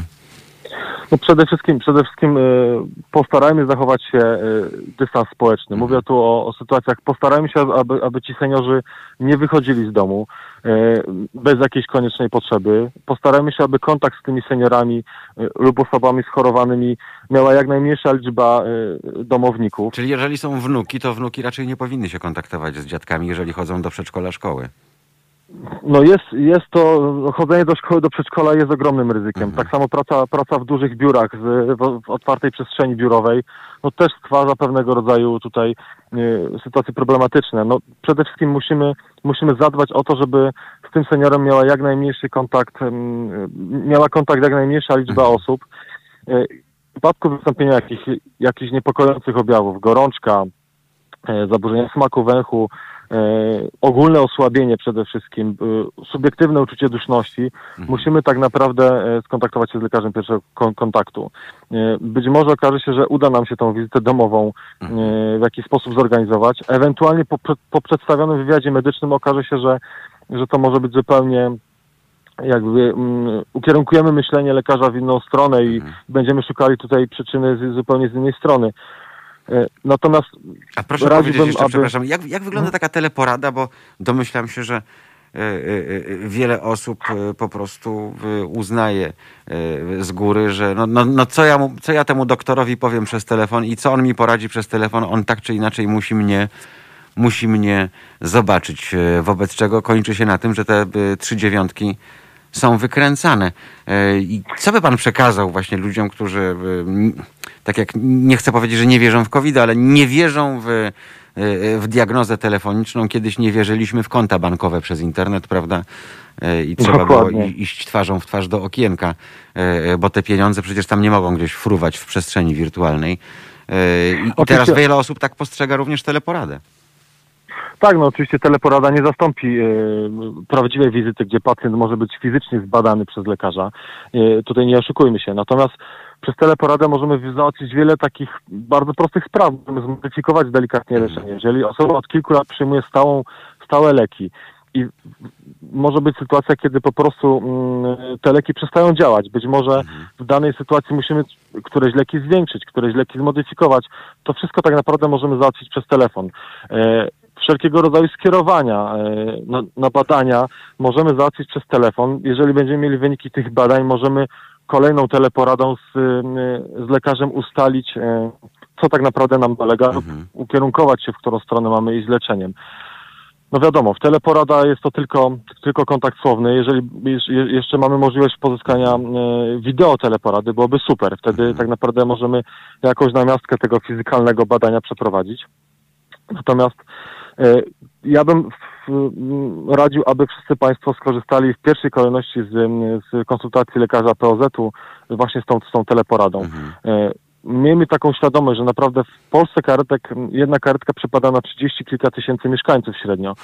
E, To jest, to jest naprawdę ogromna ilość. W, w, ja akurat rozmawiam z Państwem z południa Małopolski. W dużych miastach tutaj typu Kraków mamy, mamy 30 kilka ambulansów jeżdżących codziennie e, na blisko milion osób, które w ciągu dnia przebywają w Krakowie, więc jest to, jest to zatrważająca e, mała liczba. No to musieli Państwo pory- też swój horror przeżyć, bo Małopolska jest przykładowo od Mazowsza województwem dużo mniejszym. E, Natomiast były takie dni, gdzie kilka tych dni z rzędu to właśnie województwo małopolskie było liderem zakażeń. E, I, i, I domyślam się, co Państwo wtedy przeżywali. To musiała być prawdziwa gehenna. Tak, no u nas jest na, y, sytuacja jest o tyle trudna, że y, po pierwsze mamy dużo, dużo mniejszą populację naszego województwa niż, niż, niż, niż mazowieckie i, i, i pozostałe duże województwa. Niestety mieszkańców mamy y, stosunkowo też mniej, natomiast mamy mało, mało rozbudowaną siatkę szpitali. Tych szpitali tak naprawdę jest, jest dość mało. One do tej pory były, powiem, może brzydko niewystarczające. No po prostu te szpitale y, ledwo do tej pory dawały rady. E, Niestety też dochodzi do nas e, taka troszeczkę mentalna, mentalny problem. Na południu e, Polski, zwłaszcza w Małopolsce, po prostu w wirusa się nie wierzy. Ja obserwuję tutaj No nie, chciałem, nie pracy- chciałem ni- nikogo stygmatyzować i mówić tego na głos, yy, ale cieszę się, że pan to powiedział, bo to jest i Małopolska, to jest i Podkarpacie. E, No to są takie Nieraz niestety miejscowości, które są matecznikami e, tych foliarzy, o których pan powiedział, czy też płaskoziemców, jak ja o nich mówię, prawda? E, Tak, Małe no mam społeczności, które, które, które, które mają swoje tam. A co mnie będzie tam opowiadał, prawda? I Dokładnie, ja mam kontakt, mam kontakt z, z kolegami z, z innych województw. Y, Studiowaliśmy razem, mamy bardzo dobry kontakt. i Wiem, jak to wygląda u nich. Natomiast no, u nas po prostu się w, większość społeczeństwa w pandemię nie wierzy. Y, y, Niestety też tutaj jakby nie chcę uderzać w, w, w, w Kościół katolicki, natomiast niestety te wszystkie y, obrzędki y, kościelne, no niestety dokładają oliwy, oliwy do ognia. No mało E, tego, przecież spotkanie Komisji Episkopatu, gdzie jest na koniec e, taki family fotograf robione, prawda? Te wszystkie dziadki ramię w ramię bez masek, a potem się okazuje kilka dni później, e, że większość e, e, zachorowała E, i też jakby sobie tego nic nie robili. Oficjalnie jest taka e, ścieżka, że tam mówi się z ambon, żeby ograniczać, żeby się pilnować i tak dalej, ale jak przyjdzie co do czego, tak jak pan wspomniał, e, okazuje się, że, e, że wcale już tak nie jest. No, Wiadomo, dochody stacy też są ważne, tak? E, Szczególnie w czasie pandemii, E, więc pewnie tym się kierują. Natomiast jedno jest zastanawiające, e, że przecież e, ludzie sami na własne życzenie sobie to robią. E, Była alternatywa pod tytułem, nie wiem, msze zdalne, msze internetowe, msze y, y, y, telewizyjne. Okazywało się we wskaźnikach, że ci, którzy tego potrzebują, to otrzymują, no bo liczba tych odbiorców rosła, prawda? Więc znowu można wrzucić też kamyczek do, do ogródka polityków, że oni z tym rozprężeniem społecznym w pewnym momencie nic nie zrobili, prawda? E, Więc tak krok po kroku ta granica się przesuwała. E, I ludzie badali, jak daleko mogą się posunąć, prawda? Posunęli się tak daleko, że jak pojechało się do Hiszpanii, e, to na plaży ludzie leżeli co 20 metrów od siebie i to w maskach, prawda? A jak się pojechało na północ nad Bałtyk, to ludzie leżeli jak sardynki w puszce. Więc też się można było zastanawiać, czy zbyt mało nas to dotknęło, żeby zadziałać na wyobraźnię i czy naprawdę e, potrzeba setek zgonów dziennie, żeby, żeby ktoś miał refleksję, prawda? Musimy być świadomi niestety, że zdrowie psychiczne, psychiczne też jest bardzo ważne i e, ten pierwszy lockdown pokazał, jak tak naprawdę pozamykaliśmy się na, na, na 2-3 miesiące. E, Ja akurat mieszkam w domku jednorodzinnym na wsi, więc u mnie nie ma problemu, mieszkam w górach, jest piękny widok. Dla mnie kwarantanna to jest czysta przyjemność, przez dwa tygodnie podziwiam sobie łono natury. Natomiast ludzie, którzy mieszkają na przykład w Krakowie, czy w Zakopanym w bloku, e, to jest gehenna. To jest, e, ten pierwszy lockdown pokazał, że to zamknięcie ludzi niestety spowodowało to, no nastroje społeczne trochę się zmieniły i ludzie inaczej zaczęli odbierać pandemię. Ludzie zaczęli odbierać pandemię jako nie zagrożenie zdrowotne, tylko ograniczenie pewnych swobód. No tak. E, Jakby ktoś po prostu niestety- zamknął, tak, w areszcie domowym. Tak, no, no Mhm. ja, ja wiem, że zdrowie psychiczne jest bardzo ważne, natomiast musimy znaleźć taki, taki, taki złoty kompromis. Mhm. E, wychodźmy naprawdę e, wtedy, kiedy musimy. Korzystajmy z, z, z piękna natury. E, chodźmy na spacery, bo to też przecież wpływa na, na, na poprawę naszego zdrowia fizycznego. E, jakaś aktywność fizyczna, ale to wszystko musi być niestety z umiarem. E, ja wiem, że zdrowie duchowe też jest bardzo ważne i chodzenie do kościoła jest, jest dla niektórych bardzo ważnym aspektem. Uczestnictwo w nabożeństwach, jakichś tam ceremoniach, natomiast to wszystko musi być niestety zrównoważone. E, No ja muszę pochwalić Warszawę, bo podczas piątkowej manifestacji e, naprawdę nie widziałem nikogo bez maski. Nikogo. I to były i maski, i przyłbice. E, więc ludzie naprawdę bardzo świadomi, a w stolicy protestowało około 100 tysięcy osób, więc no, taka dyscyplina naprawdę godna pochwały. Tak, no to ja akurat w kwestii, w kwestiach politycznych nie chcę się za bardzo Nie, nie, wypowiadać, nie, mówię, będę tylko o, o, o, mówię tylko o zgromadzeniach, prawda? Wy- Tak, tak, tak, tak, natomiast... A zgromadziło się natomiast, tu e, naraz 100 tysięcy ludzi, e, no umówmy się, na dosyć małej przestrzeni, gdzie było czasem trudno o y, ten dystans społeczny. Tak, natomiast ja akurat jestem osobą niewierzącą, nie chodzę do kościoła, natomiast zdarzyło mi się w, ostatnich tygodniach kilka razy być e, na interwencji w kościele, Mhm. jak O. ratownik i proszę mi wierzyć, nie widziałem nikogo w masce. Zaraz, E, zaraz, nie- zaraz, ale nie- przecież nie było- nie obowiązuje tam- prawo, które mówi, że w, w pomieszczeniach zamkniętych w miejscach publicznych jest obowiązek. No teoretycznie tak, natomiast e, tu akurat na, tak jak mówiliśmy, w tym regionie Polski e, my jesteśmy w dość mocno wierzącym, y, mocno wierzącej czy, czy części Mhm, Polski. Tutaj tak naprawdę y, praktycznie 100% y, wiosek chodzi do kościoła Mhm. y, i niekiedy, no niestety spotykamy się z tym, że mm, nie chcę obarczać winą księży czy, Mhm. tych, mm, czy, czy, czy osób chodzących, natomiast no, zdarzało mi się przyjrzeć do kościoła jakiegoś osunięcia, do jakiegoś incydentu, gdzie tak naprawdę nabożeństwo toczyło się własnym życiem, nikt nie miał maski. To są zupełnie... I przeraża mnie niestety, że najwięcej osób w kościele to były osoby starsze, to są Mhm. seniorzy, Mhm. którzy, no wiadomo, śpiewamy, przyjmujemy tą, y, y, przy- przyjmujemy komunię, jest kontakt y, tutaj usta-dłoń, no to, są to sytuacje skrajnie takie niebezpieczne.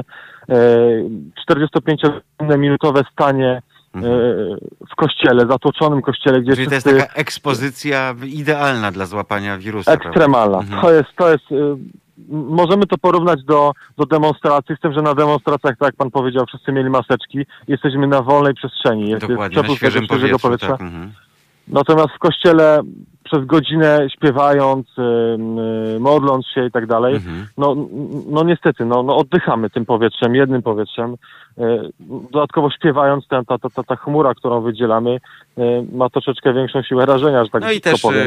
też swoje zrobili niektórzy księża, bo pamiętamy szczególnie ten wiosenny lockdown, kiedy oni byli wściekli na to, że, że, że się zakazuje ludziom chodzenia do, y, do kościoła albo poleca y, powstrzymywanie się ze względu na ograniczoną liczbę miejsc, która była określana przez powierzchnię takiej takiej świątyni E, i wtedy przecież były te głosy, że nas Bóg uchroni, prawda, przed, przed wirusem i tu w, w kościele nie musicie się niczego bać. O ile ludzie e, w pańskim, w moim wieku podchodzą racjonalnie, e, o tyle e, no podejrzewam, że właśnie wielu osobom w podeszłym wieku e, było w to graj, prawda, że, że faktycznie no, w, e, w końcu idą tam e, w innych celach niż, e, niż zarażenie i być może faktycznie e, siła wyższa, w którą wierzą, ich od tego, od tego uchroni.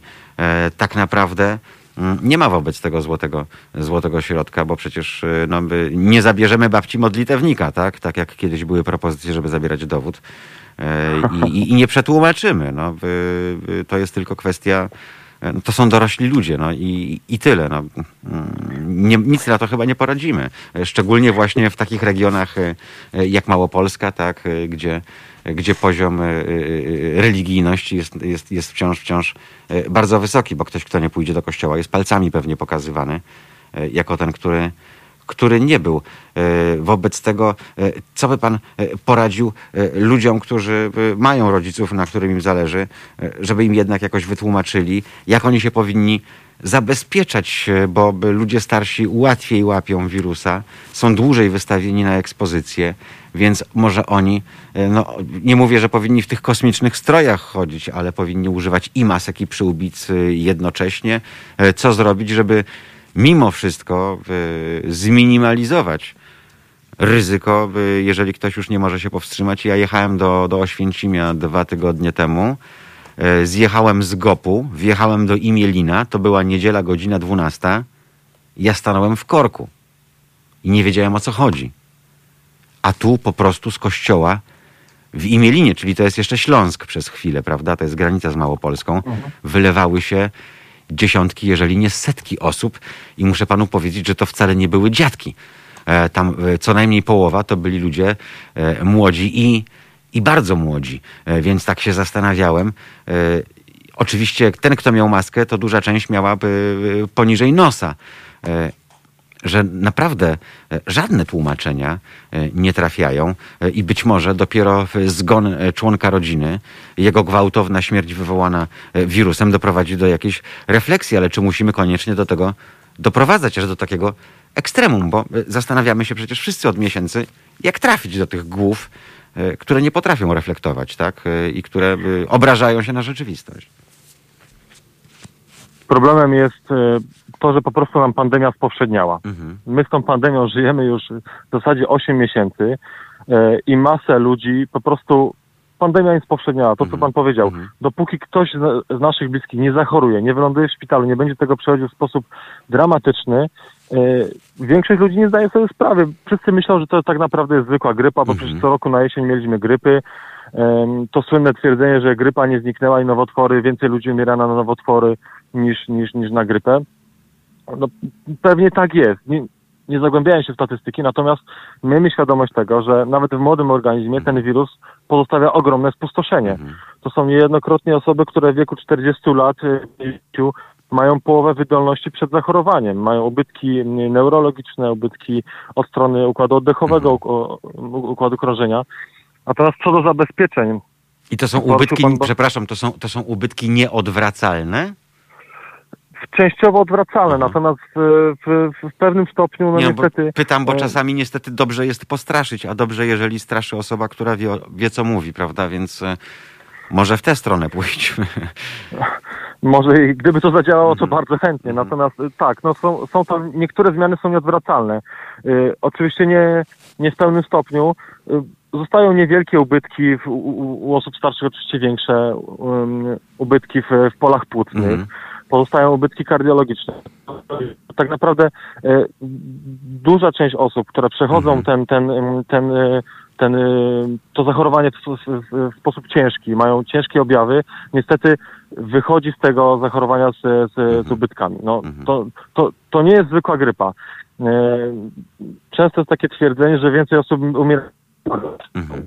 osób umiera na nowotwory. To też jest przerażające, że, że, że mamy tak, tak, tak, taką sytuację w, w naszym kraju. Natomiast dołóżmy do tego codziennie 250-300 osób, które umierają na chorobę, której pół roku temu nie było. No tak.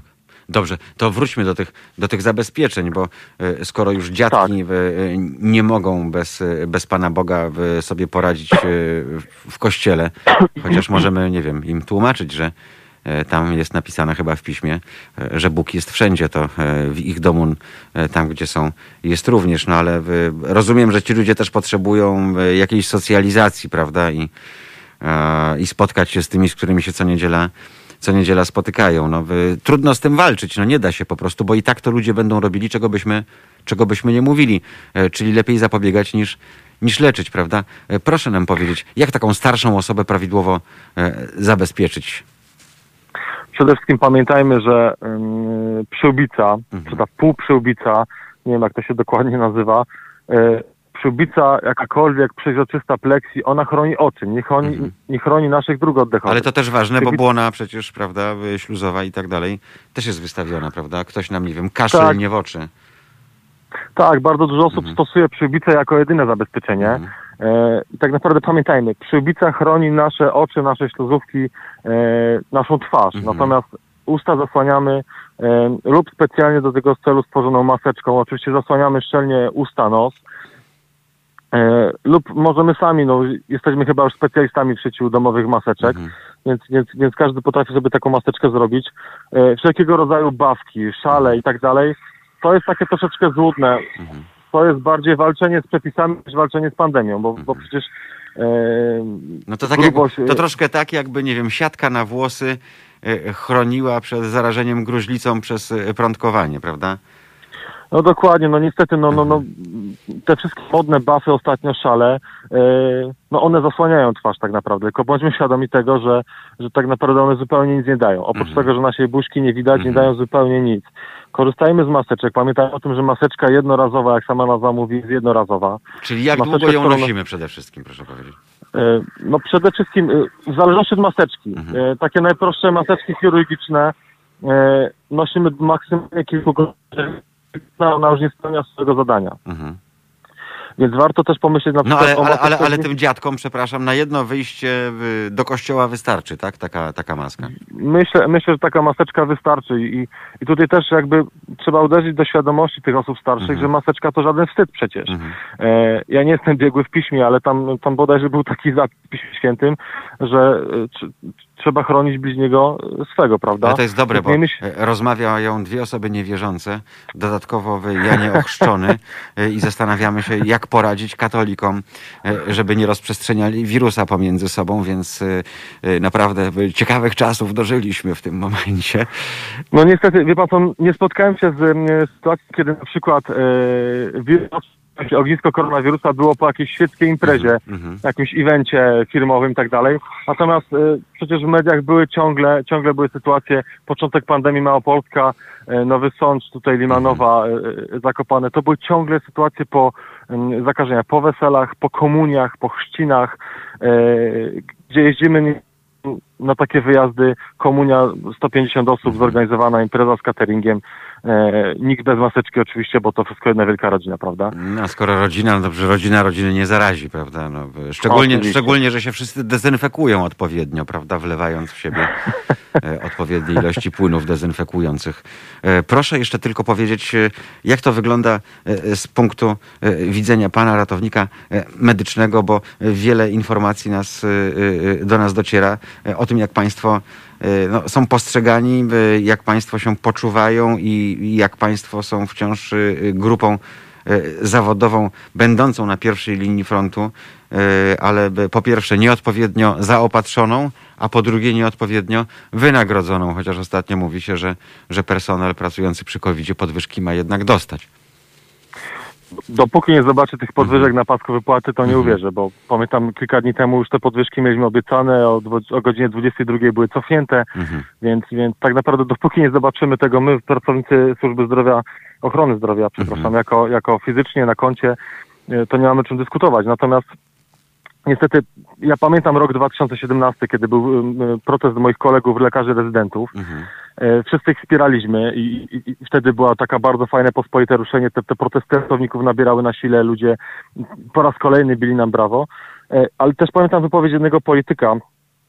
E, Pamiętam jak, jak, jak z partii opozycyjnej ktoś rzucił hasło, że jak nie zrobimy czegoś w służbie zdrowia, to ci medycy wyjadą. I ktoś, posłanka PiSu powiedziała, że w takim razie niech jadą. No i niestety oni wyjechali. To było, to było trzy lata temu.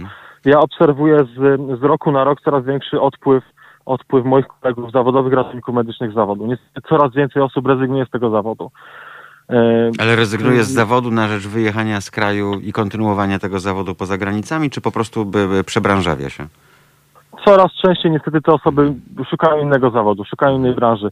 Y, Sytuacja, kiedy ja, w momencie, kiedy ja kończyłem, to, był, to było studia, to było 11 lat temu, w Małopolsce co roku y, uczelnie medyczne, jako typu ratownika medycznego uzyskiwało około 250 osób. Mhm. W tym momencie jest to kilkadziesiąt osób w ciągu roku, z czego na pracę decyduje się w ratownictwie, na pracę decyduje się e, kilkanaście, kilkadziesiąt osób Mhm. e, rocznie. Czy nadal E, mamy- przeważa taka forma samozatrudnienia? Państwo muszą prowadzić działalność? Jak to wygląda? No niestety tak. No, w, w dużej mierze, w dużej mierze ratownicy są na, na, na jednoosobowej działalności, na tak zwanych kontraktach. Mhm. Podpisujemy, podpisujemy kontrakty ze szpitalem, z, z, z dyrekcją pogotowi. Natomiast y, no też funkcjonują umowy zlecenie, w, zwłaszcza w transporcie sanitarnym, który jest bardzo niedoceniany. Mhm. E, Wiele młodych osób zaraz po zakończeniu studiach tam zaczyna swoją przygodę z ratownictwem.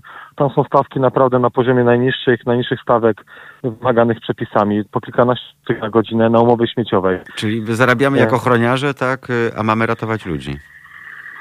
No tak, no niestety, no, no jeden z czynników, który przyciąga, przyciąga e, do pracy, który świadczy o atrakcyjności pracy, są niestety zarobki. Mhm. E, je, jeżeli ktoś dostaje ofertę pracy w ratownictwie medycznym e, i z góry wie, że nie będzie pracował 168 godzin, tylko na przykład 350, No To jest niebywałe. Bo, e, Mhm.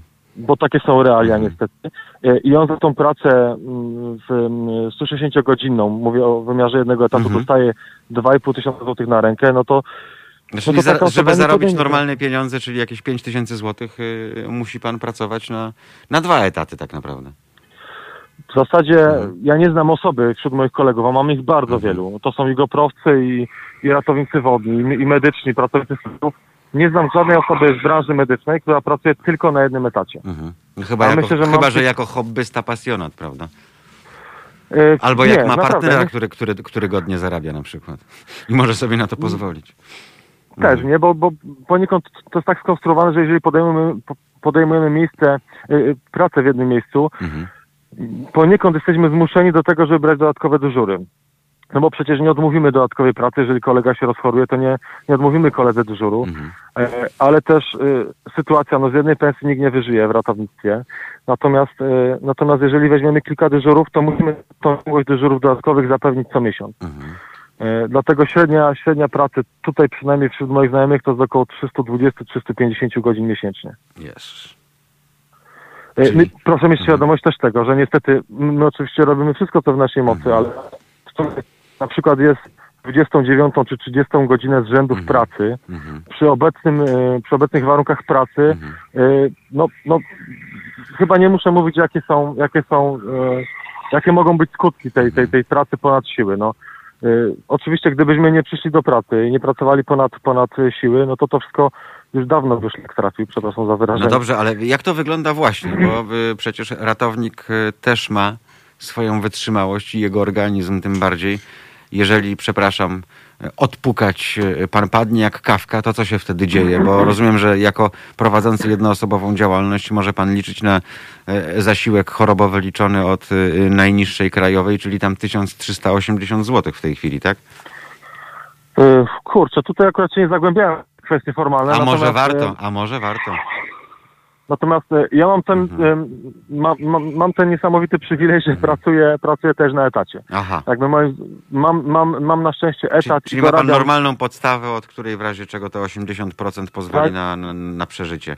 Tylko, że musi pan mieć świadomość, y, że jeżeli pan by zrezygnował z etatu i został na, na działalności, to będzie pan liczony jako przedsiębiorca, czyli y, od minimalnej i wtedy, wtedy te głodowe tam 1300, 1300 z groszami. Y, 12 godzin dziennie. No to jest praca, gdzie człowieka naprawdę w pełni sił o bardzo dobrej kondycji e, e, potrafi wywrócić, e, a to nie jest praca e, przed komputerem, e, gdzie pan sobie, nie wiem, wyjdzie zajarać, pójdzie na lunch i tak dalej. To jest praca 12 godzin pod parą w tej, w, w dzisiejszej sytuacji, prawda? Znaczy, wie pan co, my, my tak naprawdę pracujemy teraz e, 12 godzin, tak, 12 em, wcześniej, Mhm. w- dobie pandemii, e, żeby jakby zminimalizować kontakt tu- tutaj pracowników em, e, różnych zmian, Mhm. e, przeszliśmy w tryb pracy e, 24 godziny. My teraz pracujemy e, 24 godziny, po czym mamy teoretycznie 3 doby wolnego, Mhm. Natomiast to jest tylko teoria, bo tak jak powiedziałem, każdy pracuje gdzie indziej. Ja dzisiaj rano szedłem z dyżuru, który trwał prawie 60 godzin, z trzema przejazdami do trzech różnych miejsc pracy. Jezus, 60 godzin non-stop? To też nie jest jakiś rekord. No, Natomiast Nie no, bo zastanawiam Natomiast- się, jak, nie wiem, jak państwo żyją bez środków psychoaktywnych w takiej sytuacji. Przepraszam, że tak e, mówię z grubej rury, e, ale no to jest coś nieprawdopodobnego. No, e, nie, naprawdę, no, no, no, to jest na porządku dziennym, że ktoś Mhm. po prostu kończąc na przykład 12-godzinny dyżur, prosi kolegę o wcześniejszą zmianę, bo jadę do innego pogotowia, Mhm. albo jadę na SOR, albo jadę na przykład y, do przychodni lub też na przykład do prywatnego gabinetu, gdzie, gdzie będę robił badania. A tu pan No jest to jest- świadomy praw i obowiązków, jak mówi urzędnik stanu cywilnego? Bo proszę powiedzieć tak już z własnego doświadczenia, po ilu godzinach y, już odczuwa pan, że y, głowa nie pracuje y, i, i, i kojarzenie też jest y, w zwolnionym tempie? To tak naprawdę zależy wszystko od, od, od, danego dnia, o- oczywiście od ilości wyjazdów. Wiadomo, ale E, ile są- pan jest w stanie wytrzymać, y, że pan wie, że y, y, dalej to już jest y, y, praca ponad siłę? Ciężko taką barierę Aha. określić. Natomiast no, są, są sytuacje, kiedy po 12 godzinach człowiek jest tak zmęczony przede wszystkim psychicznie, e, tym ciągłym dzwonieniem, szukaniem miejsca, gdzie pacjenci umierają, e, no to po 12 godzinach czasem człowiek po prostu brzydko sięga. E, czasem uda się przetrwać jakoś 24. Ja akurat teraz miałem dyżur, gdzie, gdzie było stosunkowo spokojnie, bo tylko mm, przez dobę kilka wyjazdów. Czyli więc- mógł pan odespać, to było- tak? Mhm. Gdzieś tam zawsze 40 minut, godzinkę można było drzemkę sobie zrobić. E, Natomiast, e, no niestety sytuacja, która teraz jest i obciążenie ochrony zdrowia, no na pewno nam nie pomaga. To są, to są sytuacje, kiedy na przykład jedyna, jedyna możliwość skorzystania z toalety to jest e, w momencie, kiedy de- de- dezynfekujemy karetkę. Mhm. Bo na przykład byliśmy 6 godzin ubrani w ten kosmiczny Mhm. skafander i, i możemy w końcu coś zjeść. Mamy te, te, te, te 45 Mhm. minut, godzinę dla siebie. To jest jedyny czas, kiedy możemy coś zjeść, załatwić potrzeby fizjologiczne.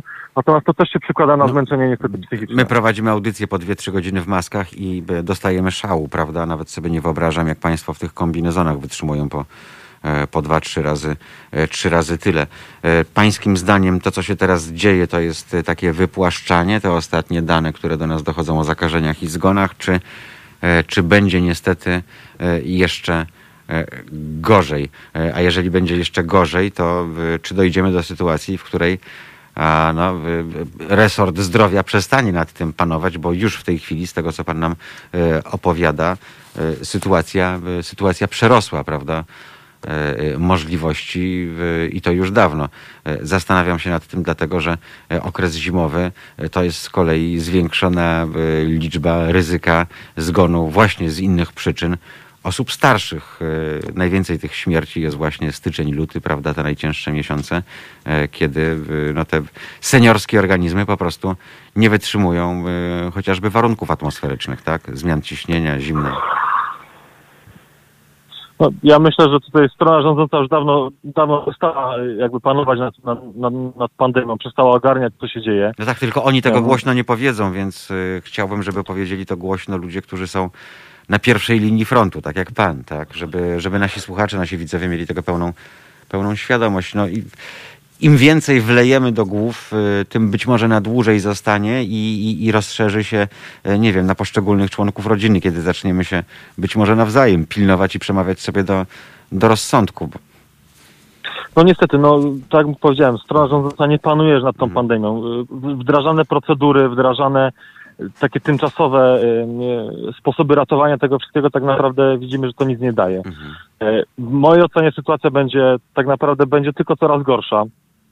E, Myślę, że to nie jest, myślę, że nie jesteśmy teraz, że tak powiem, na Mhm. Czyli te, przepraszam, te fali 50 zachorowań. tysięcy zakażeń to może być y, y, realność niedługa. Ja myślę, ja myślę, że to jest najbardziej realna suma.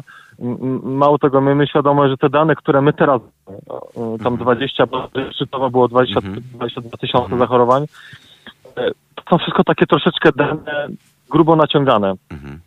Mamy świadomość tego, że jak często przyjeżdżamy do rodziny, załóżmy pięcioosobowej, Mhm. gdzie mąż wrócił z pracy, został skierowany na wymiar i jest potwierdzony COVID-em. Przyjeżdżamy do domu, cała piątka kaszy, Mhm. nikt nie czuje smaku węglu, wszyscy mają biegunki, ból mięsiostawowe, ale tylko pozytywny jest, jest jedna osoba, która była wymazana. Mhm. Więc ja myślę, że liczba tak naprawdę realnych zachorowań jest dużo, dużo, dużo większa niż, niż to, co podają Oficjalne media. dane Podają. Mhm. Myślę, że tak, ponieważ no, masę osób, które są tak zwane skąpo objawowe, po prostu się nie zgłasza nigdzie. Mhm. E, no, Czyli, no, ciężko- a to też jest bardzo ciekawe, y, bo jak duża może być ta szara liczba ludzi, którzy już przechorowali i nawet o tym nie wiedzą?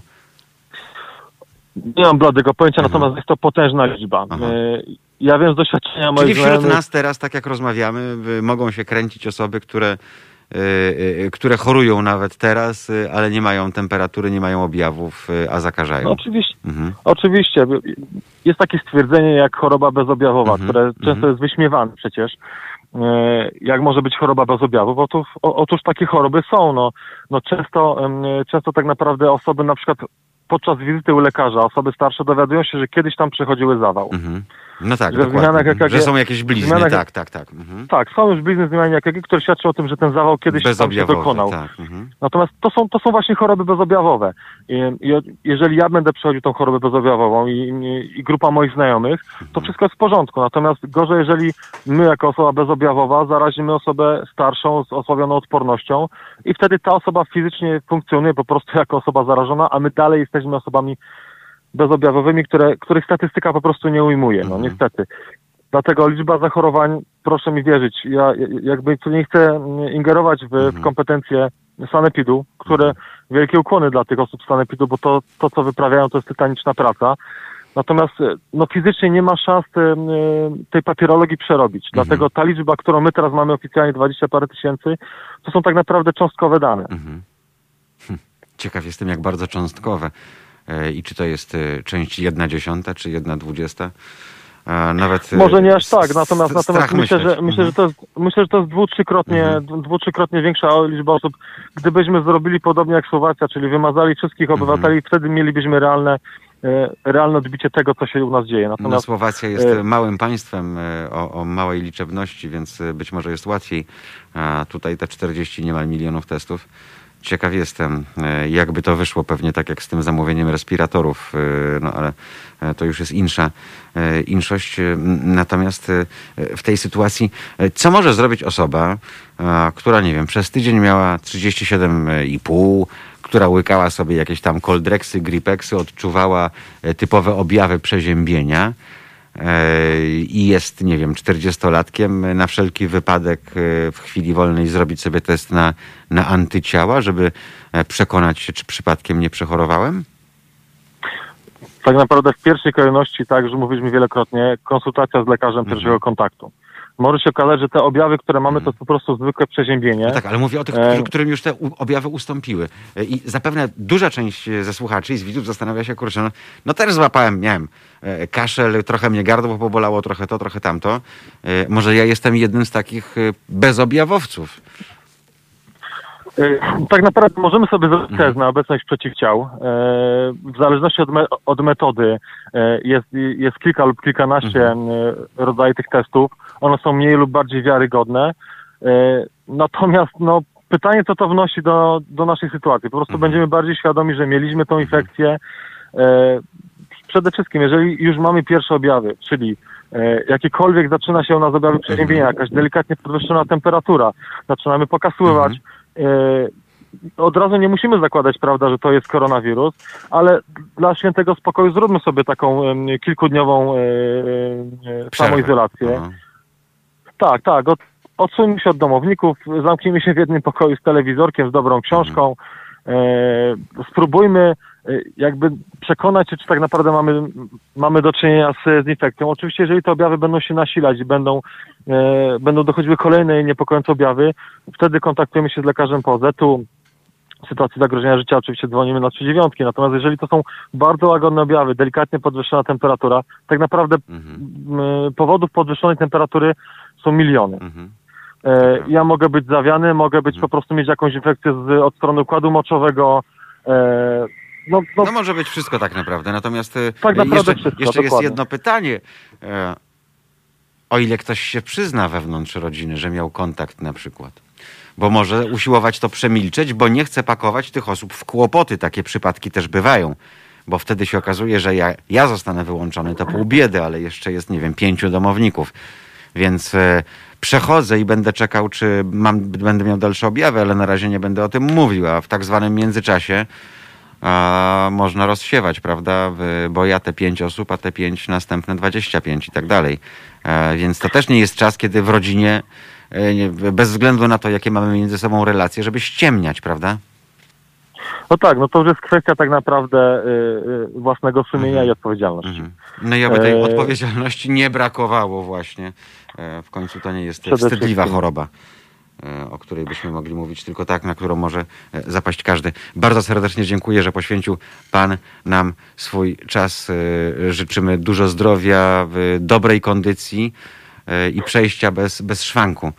E, Przez Dziękuję e, cały ten bardzo, bardzo ciężki czas. E, Wszystkiego dobrego raz jeszcze życzymy i miejmy nadzieję, że troszkę się w tej Małopolsce jednak zmieni mentalnie, bo no, przykro się słucha tego, że można mówić, można opowiadać, a ludzie dalej swoje.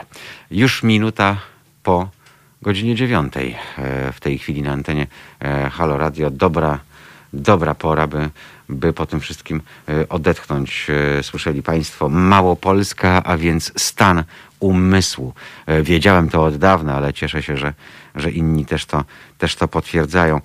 Tam, jak ktoś nie pójdzie w niedzielę do kościoła, jest pokazywany palcem, mm, to jest ta część tego ludowego takiego katolicyzmu, więc duża część z tych ludzi nie chodzi po to, żeby chodzić, tylko po to, żeby nie być pokazywanym palcami. E, I to wcale nie chodzi o to, że to dziadki, bo to też ludzie e, młodzi i bardzo młodzi, e, bo przecież tam się wszyscy znają, prawda, w takiej wiosce i od razu się rozejdzie, kto z kim, dlaczego i, i jak. Przykre to jest i przykre to jest tym bardziej, że mm, wiara raz jeszcze bierze górę nad nauką, nad naukowymi dowodami, nad tym, co się dzieje e, wokół.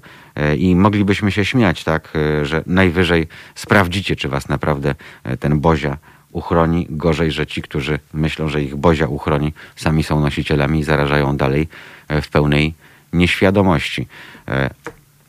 Zróbmy tak, by jednak, nawet jak ktoś cierpi z tego powodu bardzo, ma swoje powody, y, tak jak inni ludzie, którzy na przykład muszą na kozetkę do psychologa pójść, żeby mu się wygadać, y, żeby jednak y, brali pod uwagę to, że stanowią realne zagrożenie i że to realne zagrożenie, jeżeli jest się w wieku starszym, jest dla nich po prostu bardzo, bardzo niebezpieczne i może zakończyć się zgonem. I tyle. No, chyba, że komuś zależy, żeby sprawdzić te 70 dziewic, czy czeka, prawda? W tym niebie, w tym raju. Chociaż nie, bo w, w katolickim niebie to pewnie nie mogą być dziewice.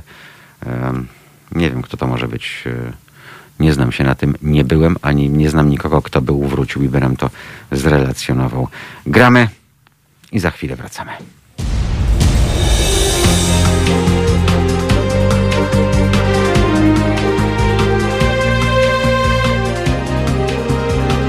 Halo Radio.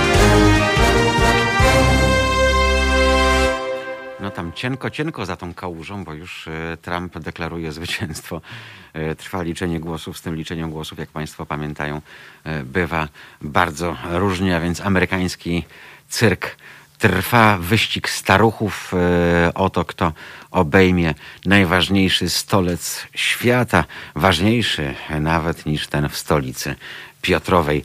Wróćmy jeszcze do naszej rozmowy z ratownikiem medycznym. Szanowni Państwo, to naprawdę nie była ustawka. Ja nie wiedziałem, że e, ratownik medyczny okaże się ateistą.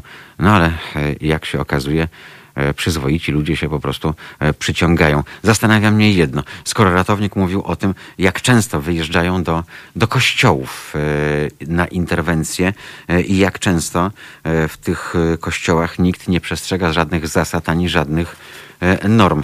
E, mówił e, nam na naszej antenie Państwu ratownik medyczny o tym, że, że często są to na przykład zasłabnięcia. No i, i tutaj rodzi się pytanie. Przecież podobno w domu Bożym nic nikomu nie może się stać, a raczej, a raczej nie powinno. A skoro już ktoś na przykład w takiej Małopolsce ultrakatolickiej decyduje się na takie regularne odwiedziny swojej świątyni, no to może wierni zamiast wykręcać 999 powinni po prostu się e, pomodlić za tę osobę i poprosić Bozie, żeby jednak e, e, to była chwilowa drzemka, a nie utrata przytomności związana z zawałem, udarem czy czymkolwiek innym. To tak tylko na marginesie. Z drugiej strony, jak sobie tak liczę, te 360 godzin miesięcznie, o których mówił ratownik, o tym, że nieraz dyżur, Państwo słyszeli, trwa nawet 60 godzin e, pracy non-stop, e, no to zastanawiam się nad jednym. Ile kasy trzepią teraz dilerzy amfetaminy i metamfetaminy? E, bo to jest aż nieprawdopodobne, żeby organizm ludzki funkcjonował na odpowiednim poziomie świadomości aż tak aż tak długo.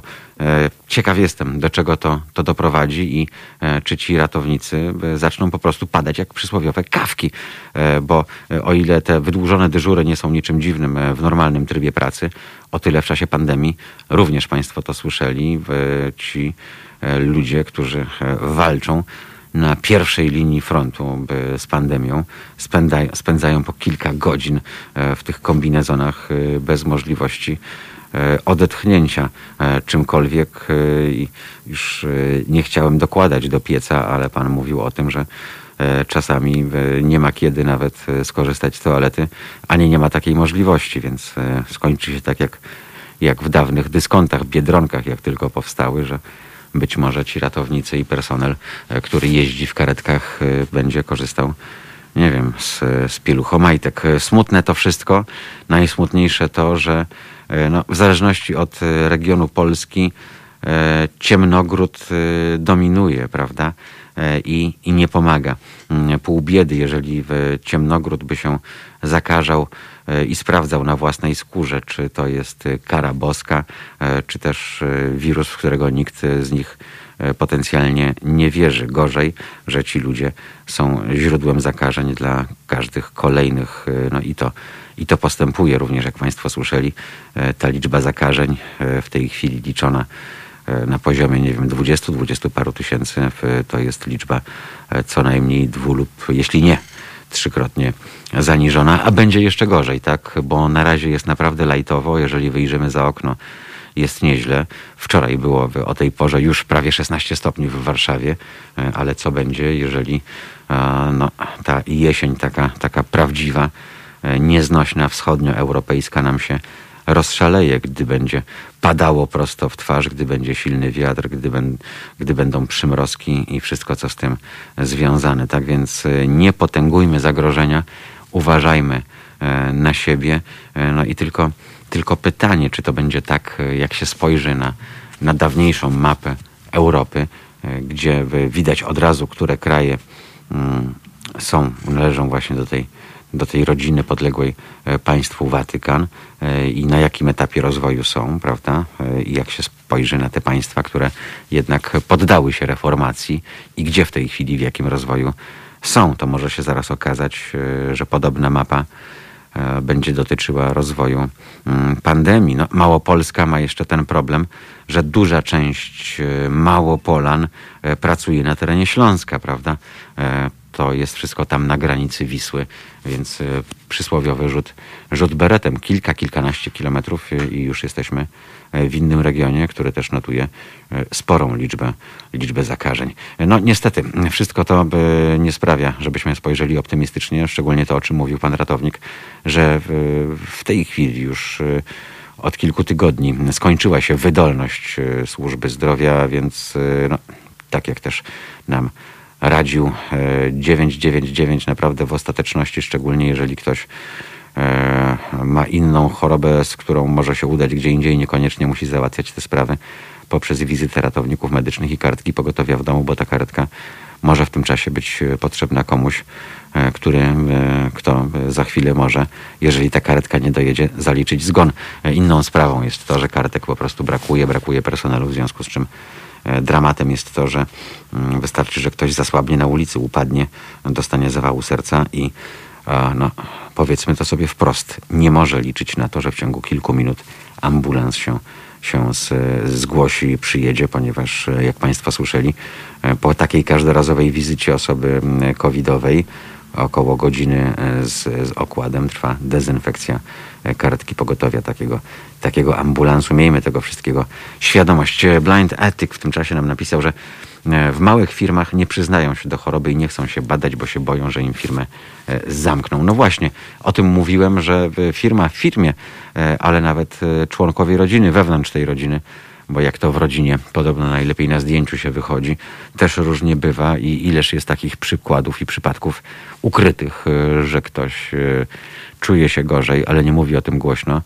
e, żeby nie było z tego powodu afery. Andrzej Łukowski do nas napisał, bez fiutocentryzmu z tymi dziewicami. No ale przecież te dziewice to są w innej religii, u innego Boga. No, u naszego Boga, znaczy nie naszego, tego katolickiego, nie mojego, nie ma dziewic. Chociaż powinny być, prawda? Bo przecież to kult dziewicy Maryi E, więc tam e, też powinny być te dziewice, chociaż cholera wie, no. E, a może to jest jakieś eksterytorialne to niebo i można się mieszać między muzułmanami a katolikami i korzystać z tych dziewic.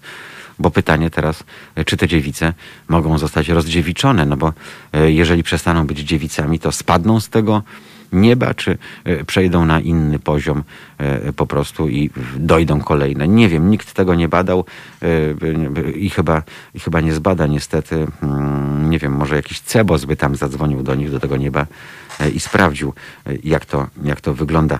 Ani słowem, nikt nie bąka, jakie profity mają zyskać kobiety w raju. Żenada. Ha. To znaczy tak, mm, drogi Andrzeju, jeżeli na jednego wiernego przypada 70 dziewic, no to jest trochę taka sytuacja jak w mieście Łodzi, prawda? E, to było miasto Włókniarek, mm, w związku z czym w Łodzi tam było dużo mniej facetów na jedną kobietę, albo odwrotnie, dużo więcej kobiet na jednego faceta, w związku z czym tam było podobno bardzo fajnie przez lata. Bo człowiek siłą rzeczy nie miał problemów ze znalezieniem sobie partnerki, bo tak się te, te proporcje kształtowały, więc podejrzewam, że, że tak się może to kształtować w niebie. Poza tym, jeżeli idziemy do nieba i czeka 70 dziewic, i jeżeli życie doczesne jest tylko jakąś cząstkową formą przejściową, w trakcie której niesiemy tylko swój krzyż, prawda?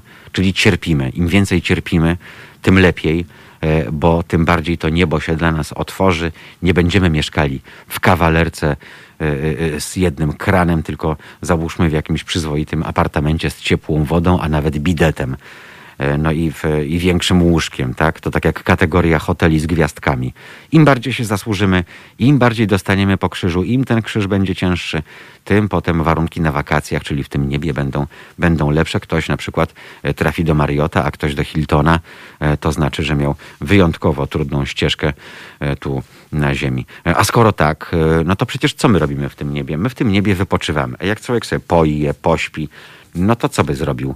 E, no zapalił, ja wiem, e, ale potem jakby zapalił, to może zacząłby się rozglądać za przyjemnościami innego typu. No to domyślam się, że wtedy e, taki zesłany do nieba człowiek dostaje ekstra premię, czyli po prostu ma również niebiańskie libido. A skoro ma niebiańskie libido, to te 70 dziewic, no nie, przepraszam, teraz sobie policzyłem w głowie, to ten niebiański człowiek, facet, trafiając na 70 dziewic, no nie chcę użyć złego porównania, ale on ma mniej więcej tak samo, nomen omen, przerąbane, jak ten ratownik medyczny, który pracuje na dyżurze 60 godzin. Trudno jest to wszystko obrobić, e, bo to są ponad dwie dziewice e, e, dziennie, miesięcznie.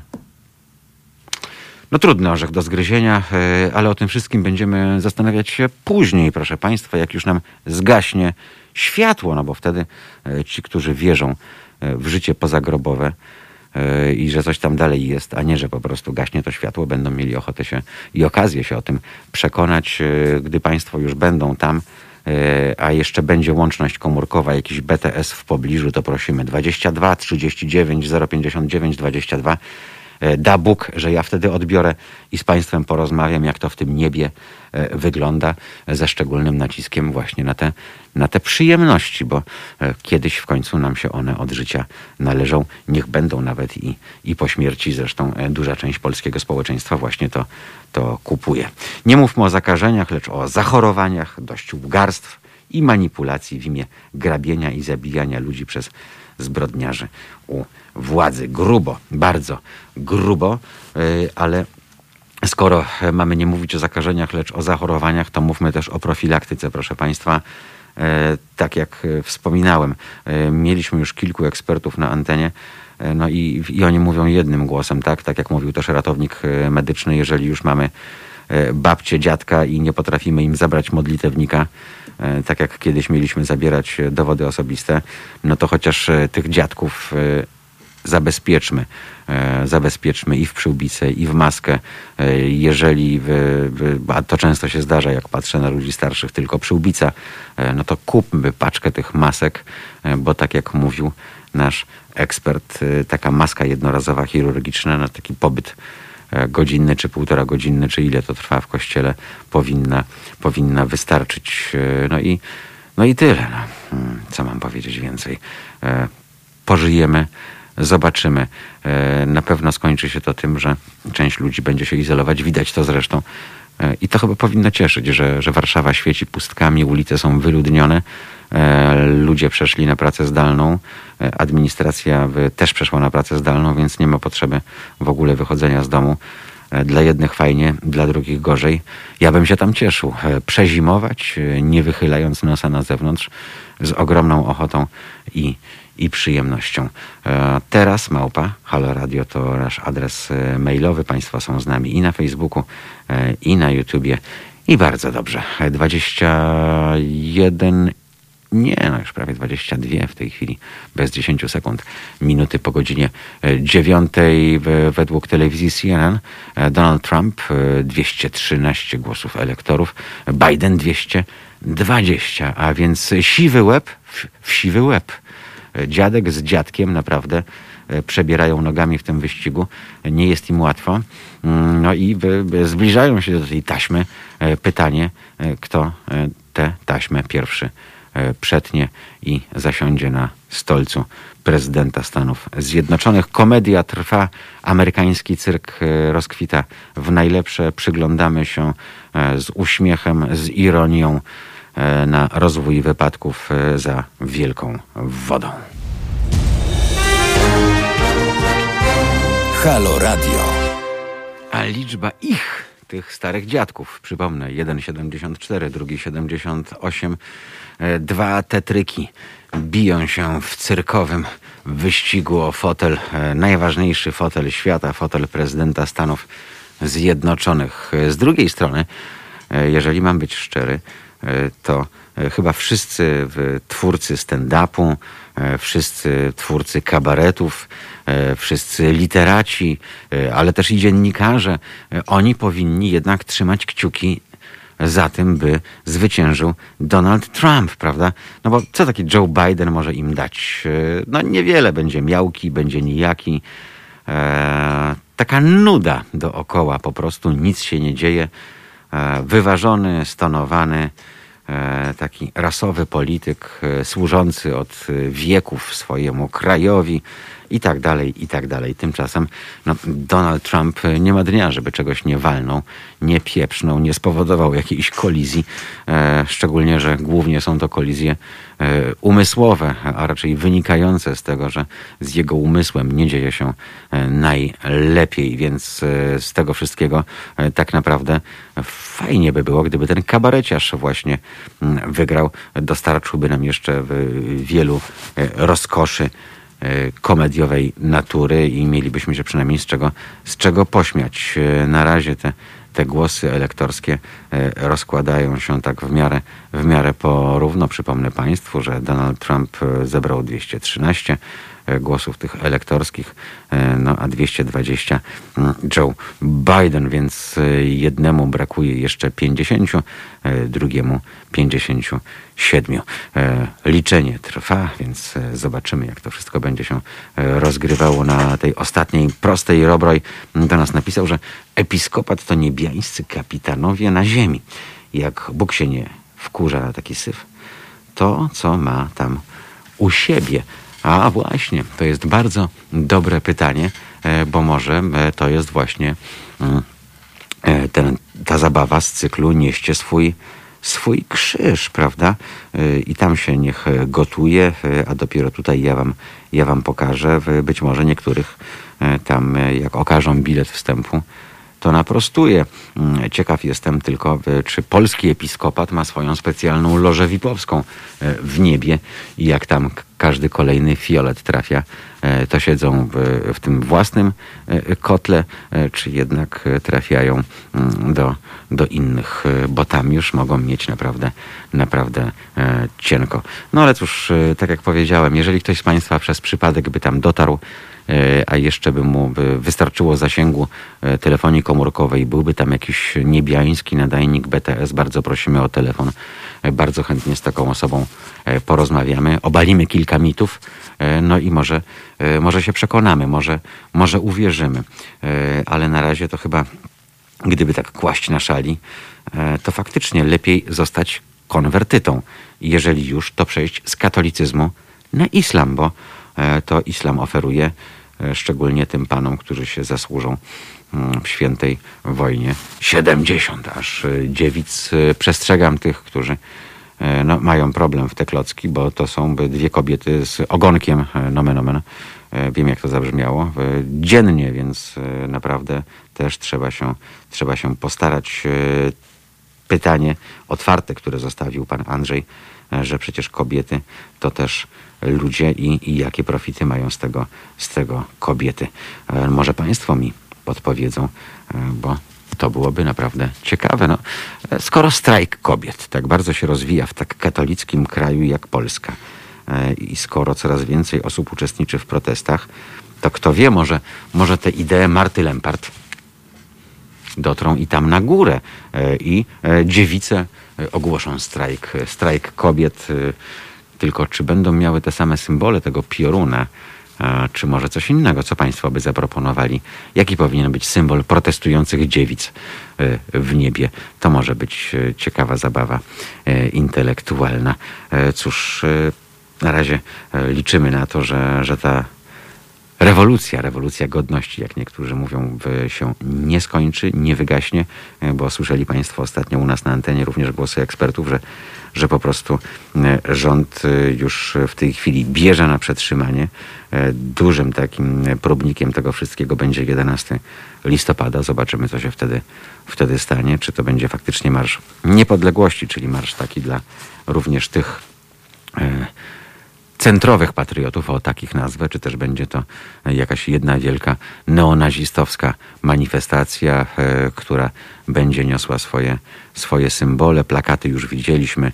Żołnierz husarii, który, który rozbija E, tęczowy e, symbol w drobiazgi, e, więc może się skończyć tak, że to nie będzie Marsz Niepodległości, tylko Marsz Żołnierzy Chrystusa na przykład, bo jak wiadomo Chrystus był jest królem Polski, a był Polakiem. Te wszystkie pogłosy o jego, pogłoski o, o jego żydowskim pochodzeniu, to można sobie tam między bajki włożyć, bo tylko Polak dokonałby tak heroicznych czynów, jak dokonał ich Jezus Chrystus. Co do tego chyba nie mają Państwo e, wątpliwości. Tylko Polak, korzystając ze swojego sprytu i cwaniactwa, e, byłby w stanie zbujać ludzi tak, żeby widzieli, że on chodzi po wodzie albo że, że zamienia wodę w wino, prawda? E, w tym akurat my Polacy jesteśmy całkiem, całkiem nieźli. Jeżeli trzeba na przykład kartofle przerobić w jakiś płyn, który sprawia frajdę i rozwesela, to też jesteśmy pierwsi, albo jakieś, jakieś zboże. E, no Polak potrafi, o tym się mówi, to jest znane powszechnie w świecie, więc e, wcale bym się nie zdziwił, gdyby się okazało po jakichś badaniach genealogicznych, że, że niestety no, z tym żydostwem Chrystusa to była, to była ściema, e, ale wiadomo, Biblia była pisana bardzo dawno temu, więc być może polityka historyczna też wtedy obowiązywała. No a skoro obowiązywała, E, no to by nie mogli po prostu, cenzura by nie, po, nie, nie pozwoliła, żeby napisali, napisali inaczej.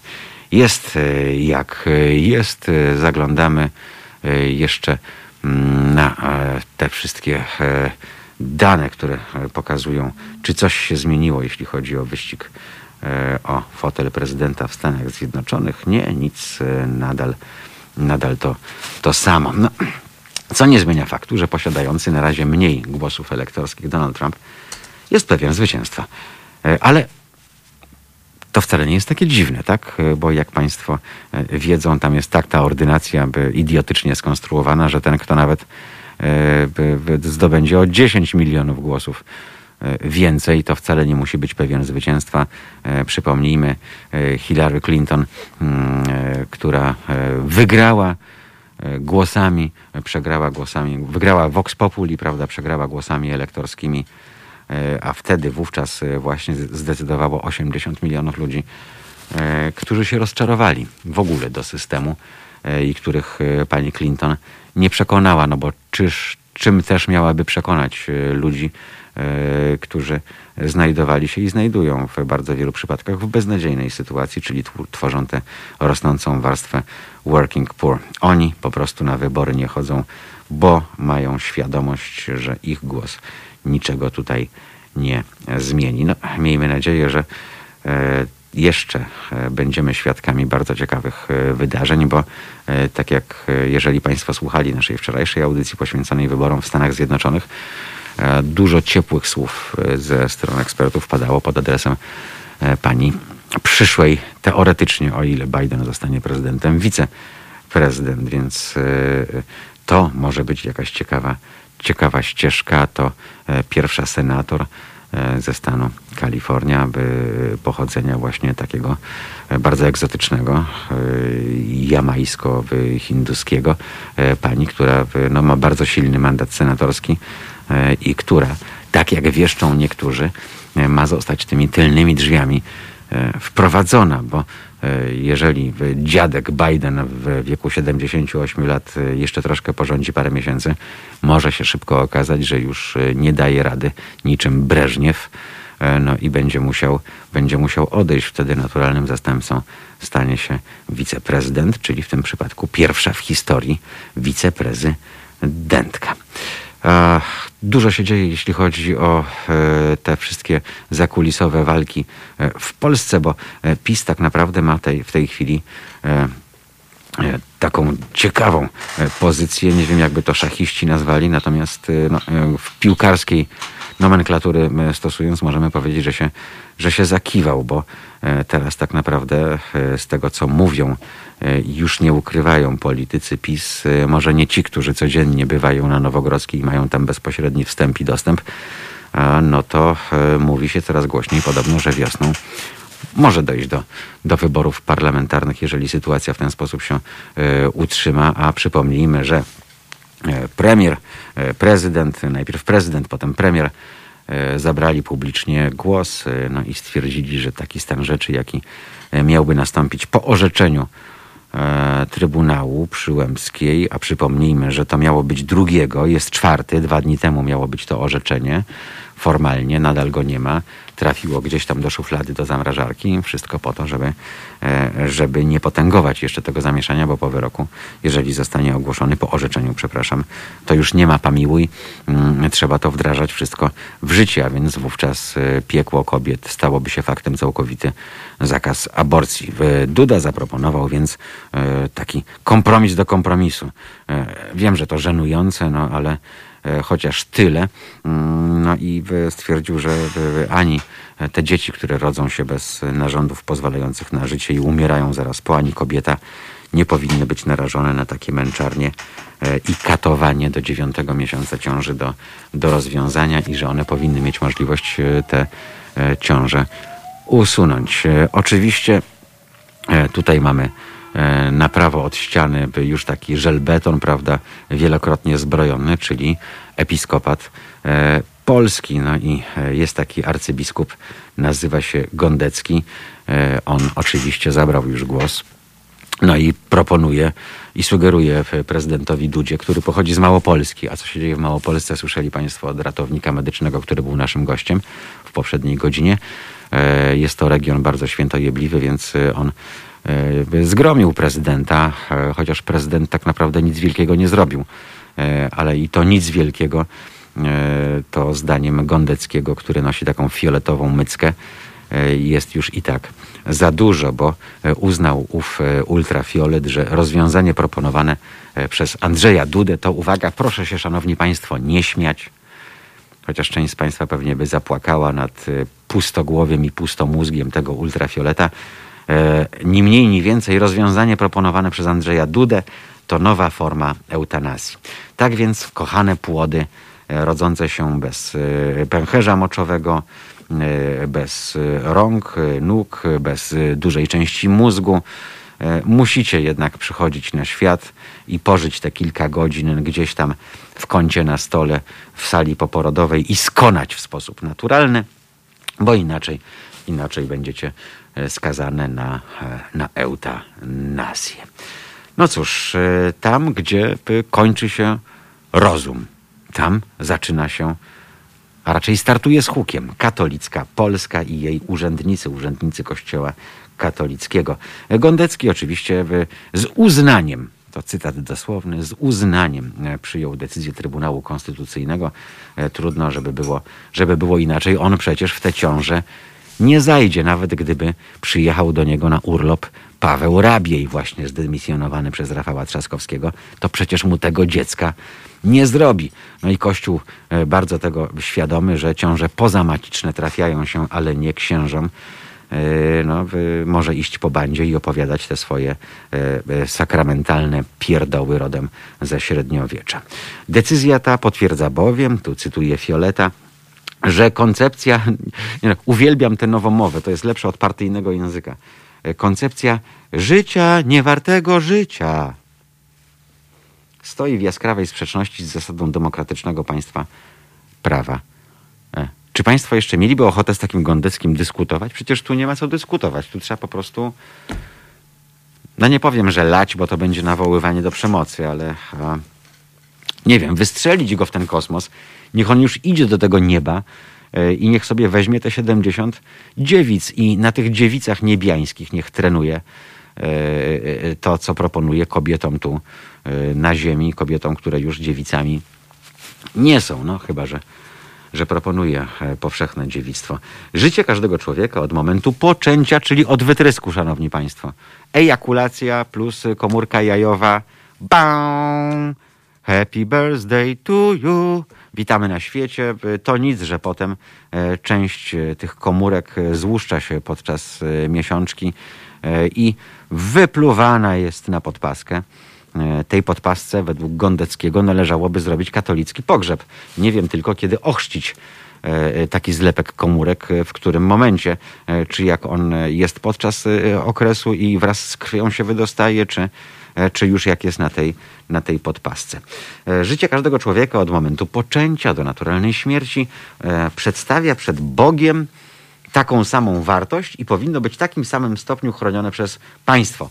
To dlaczego łobuzie gondecki nie chronisz dzieci, które już się narodziły, tylko dbasz o te, które są zlepkiem komórek póki co, e, ale jak już się urodzą, jak już kobieta e, wydali z siebie e, dziecko na świat, to wtedy jakoś cię skurczybyku przestaje to wszystko martwić i to życie przestaje być nagle święte. Wtedy masz to głęboko gdzieś, e, bo e, nawet jeżeli takie dziecko e, zaliczy zgon, to przecież nie podlega katolickiemu obrządkowi, bo nie zdążyło zostać ochrzczone, prawda? A przecież w kościele istnieje coś takiego jak grzech pierworodny, więc e, tak naprawdę mm, człowiek nie musi być świętym, no nic nie musi robić, może być nowonarodzonym dzieckiem i już rodzi się z piętnem grzechu. E, To jest e, wykładnia Kościoła katolickiego, pięknego Boga tam macie naprawdę e, w tym Watykanie, e, to jakiś zwyrol najwyraźniej, skoro już e, takie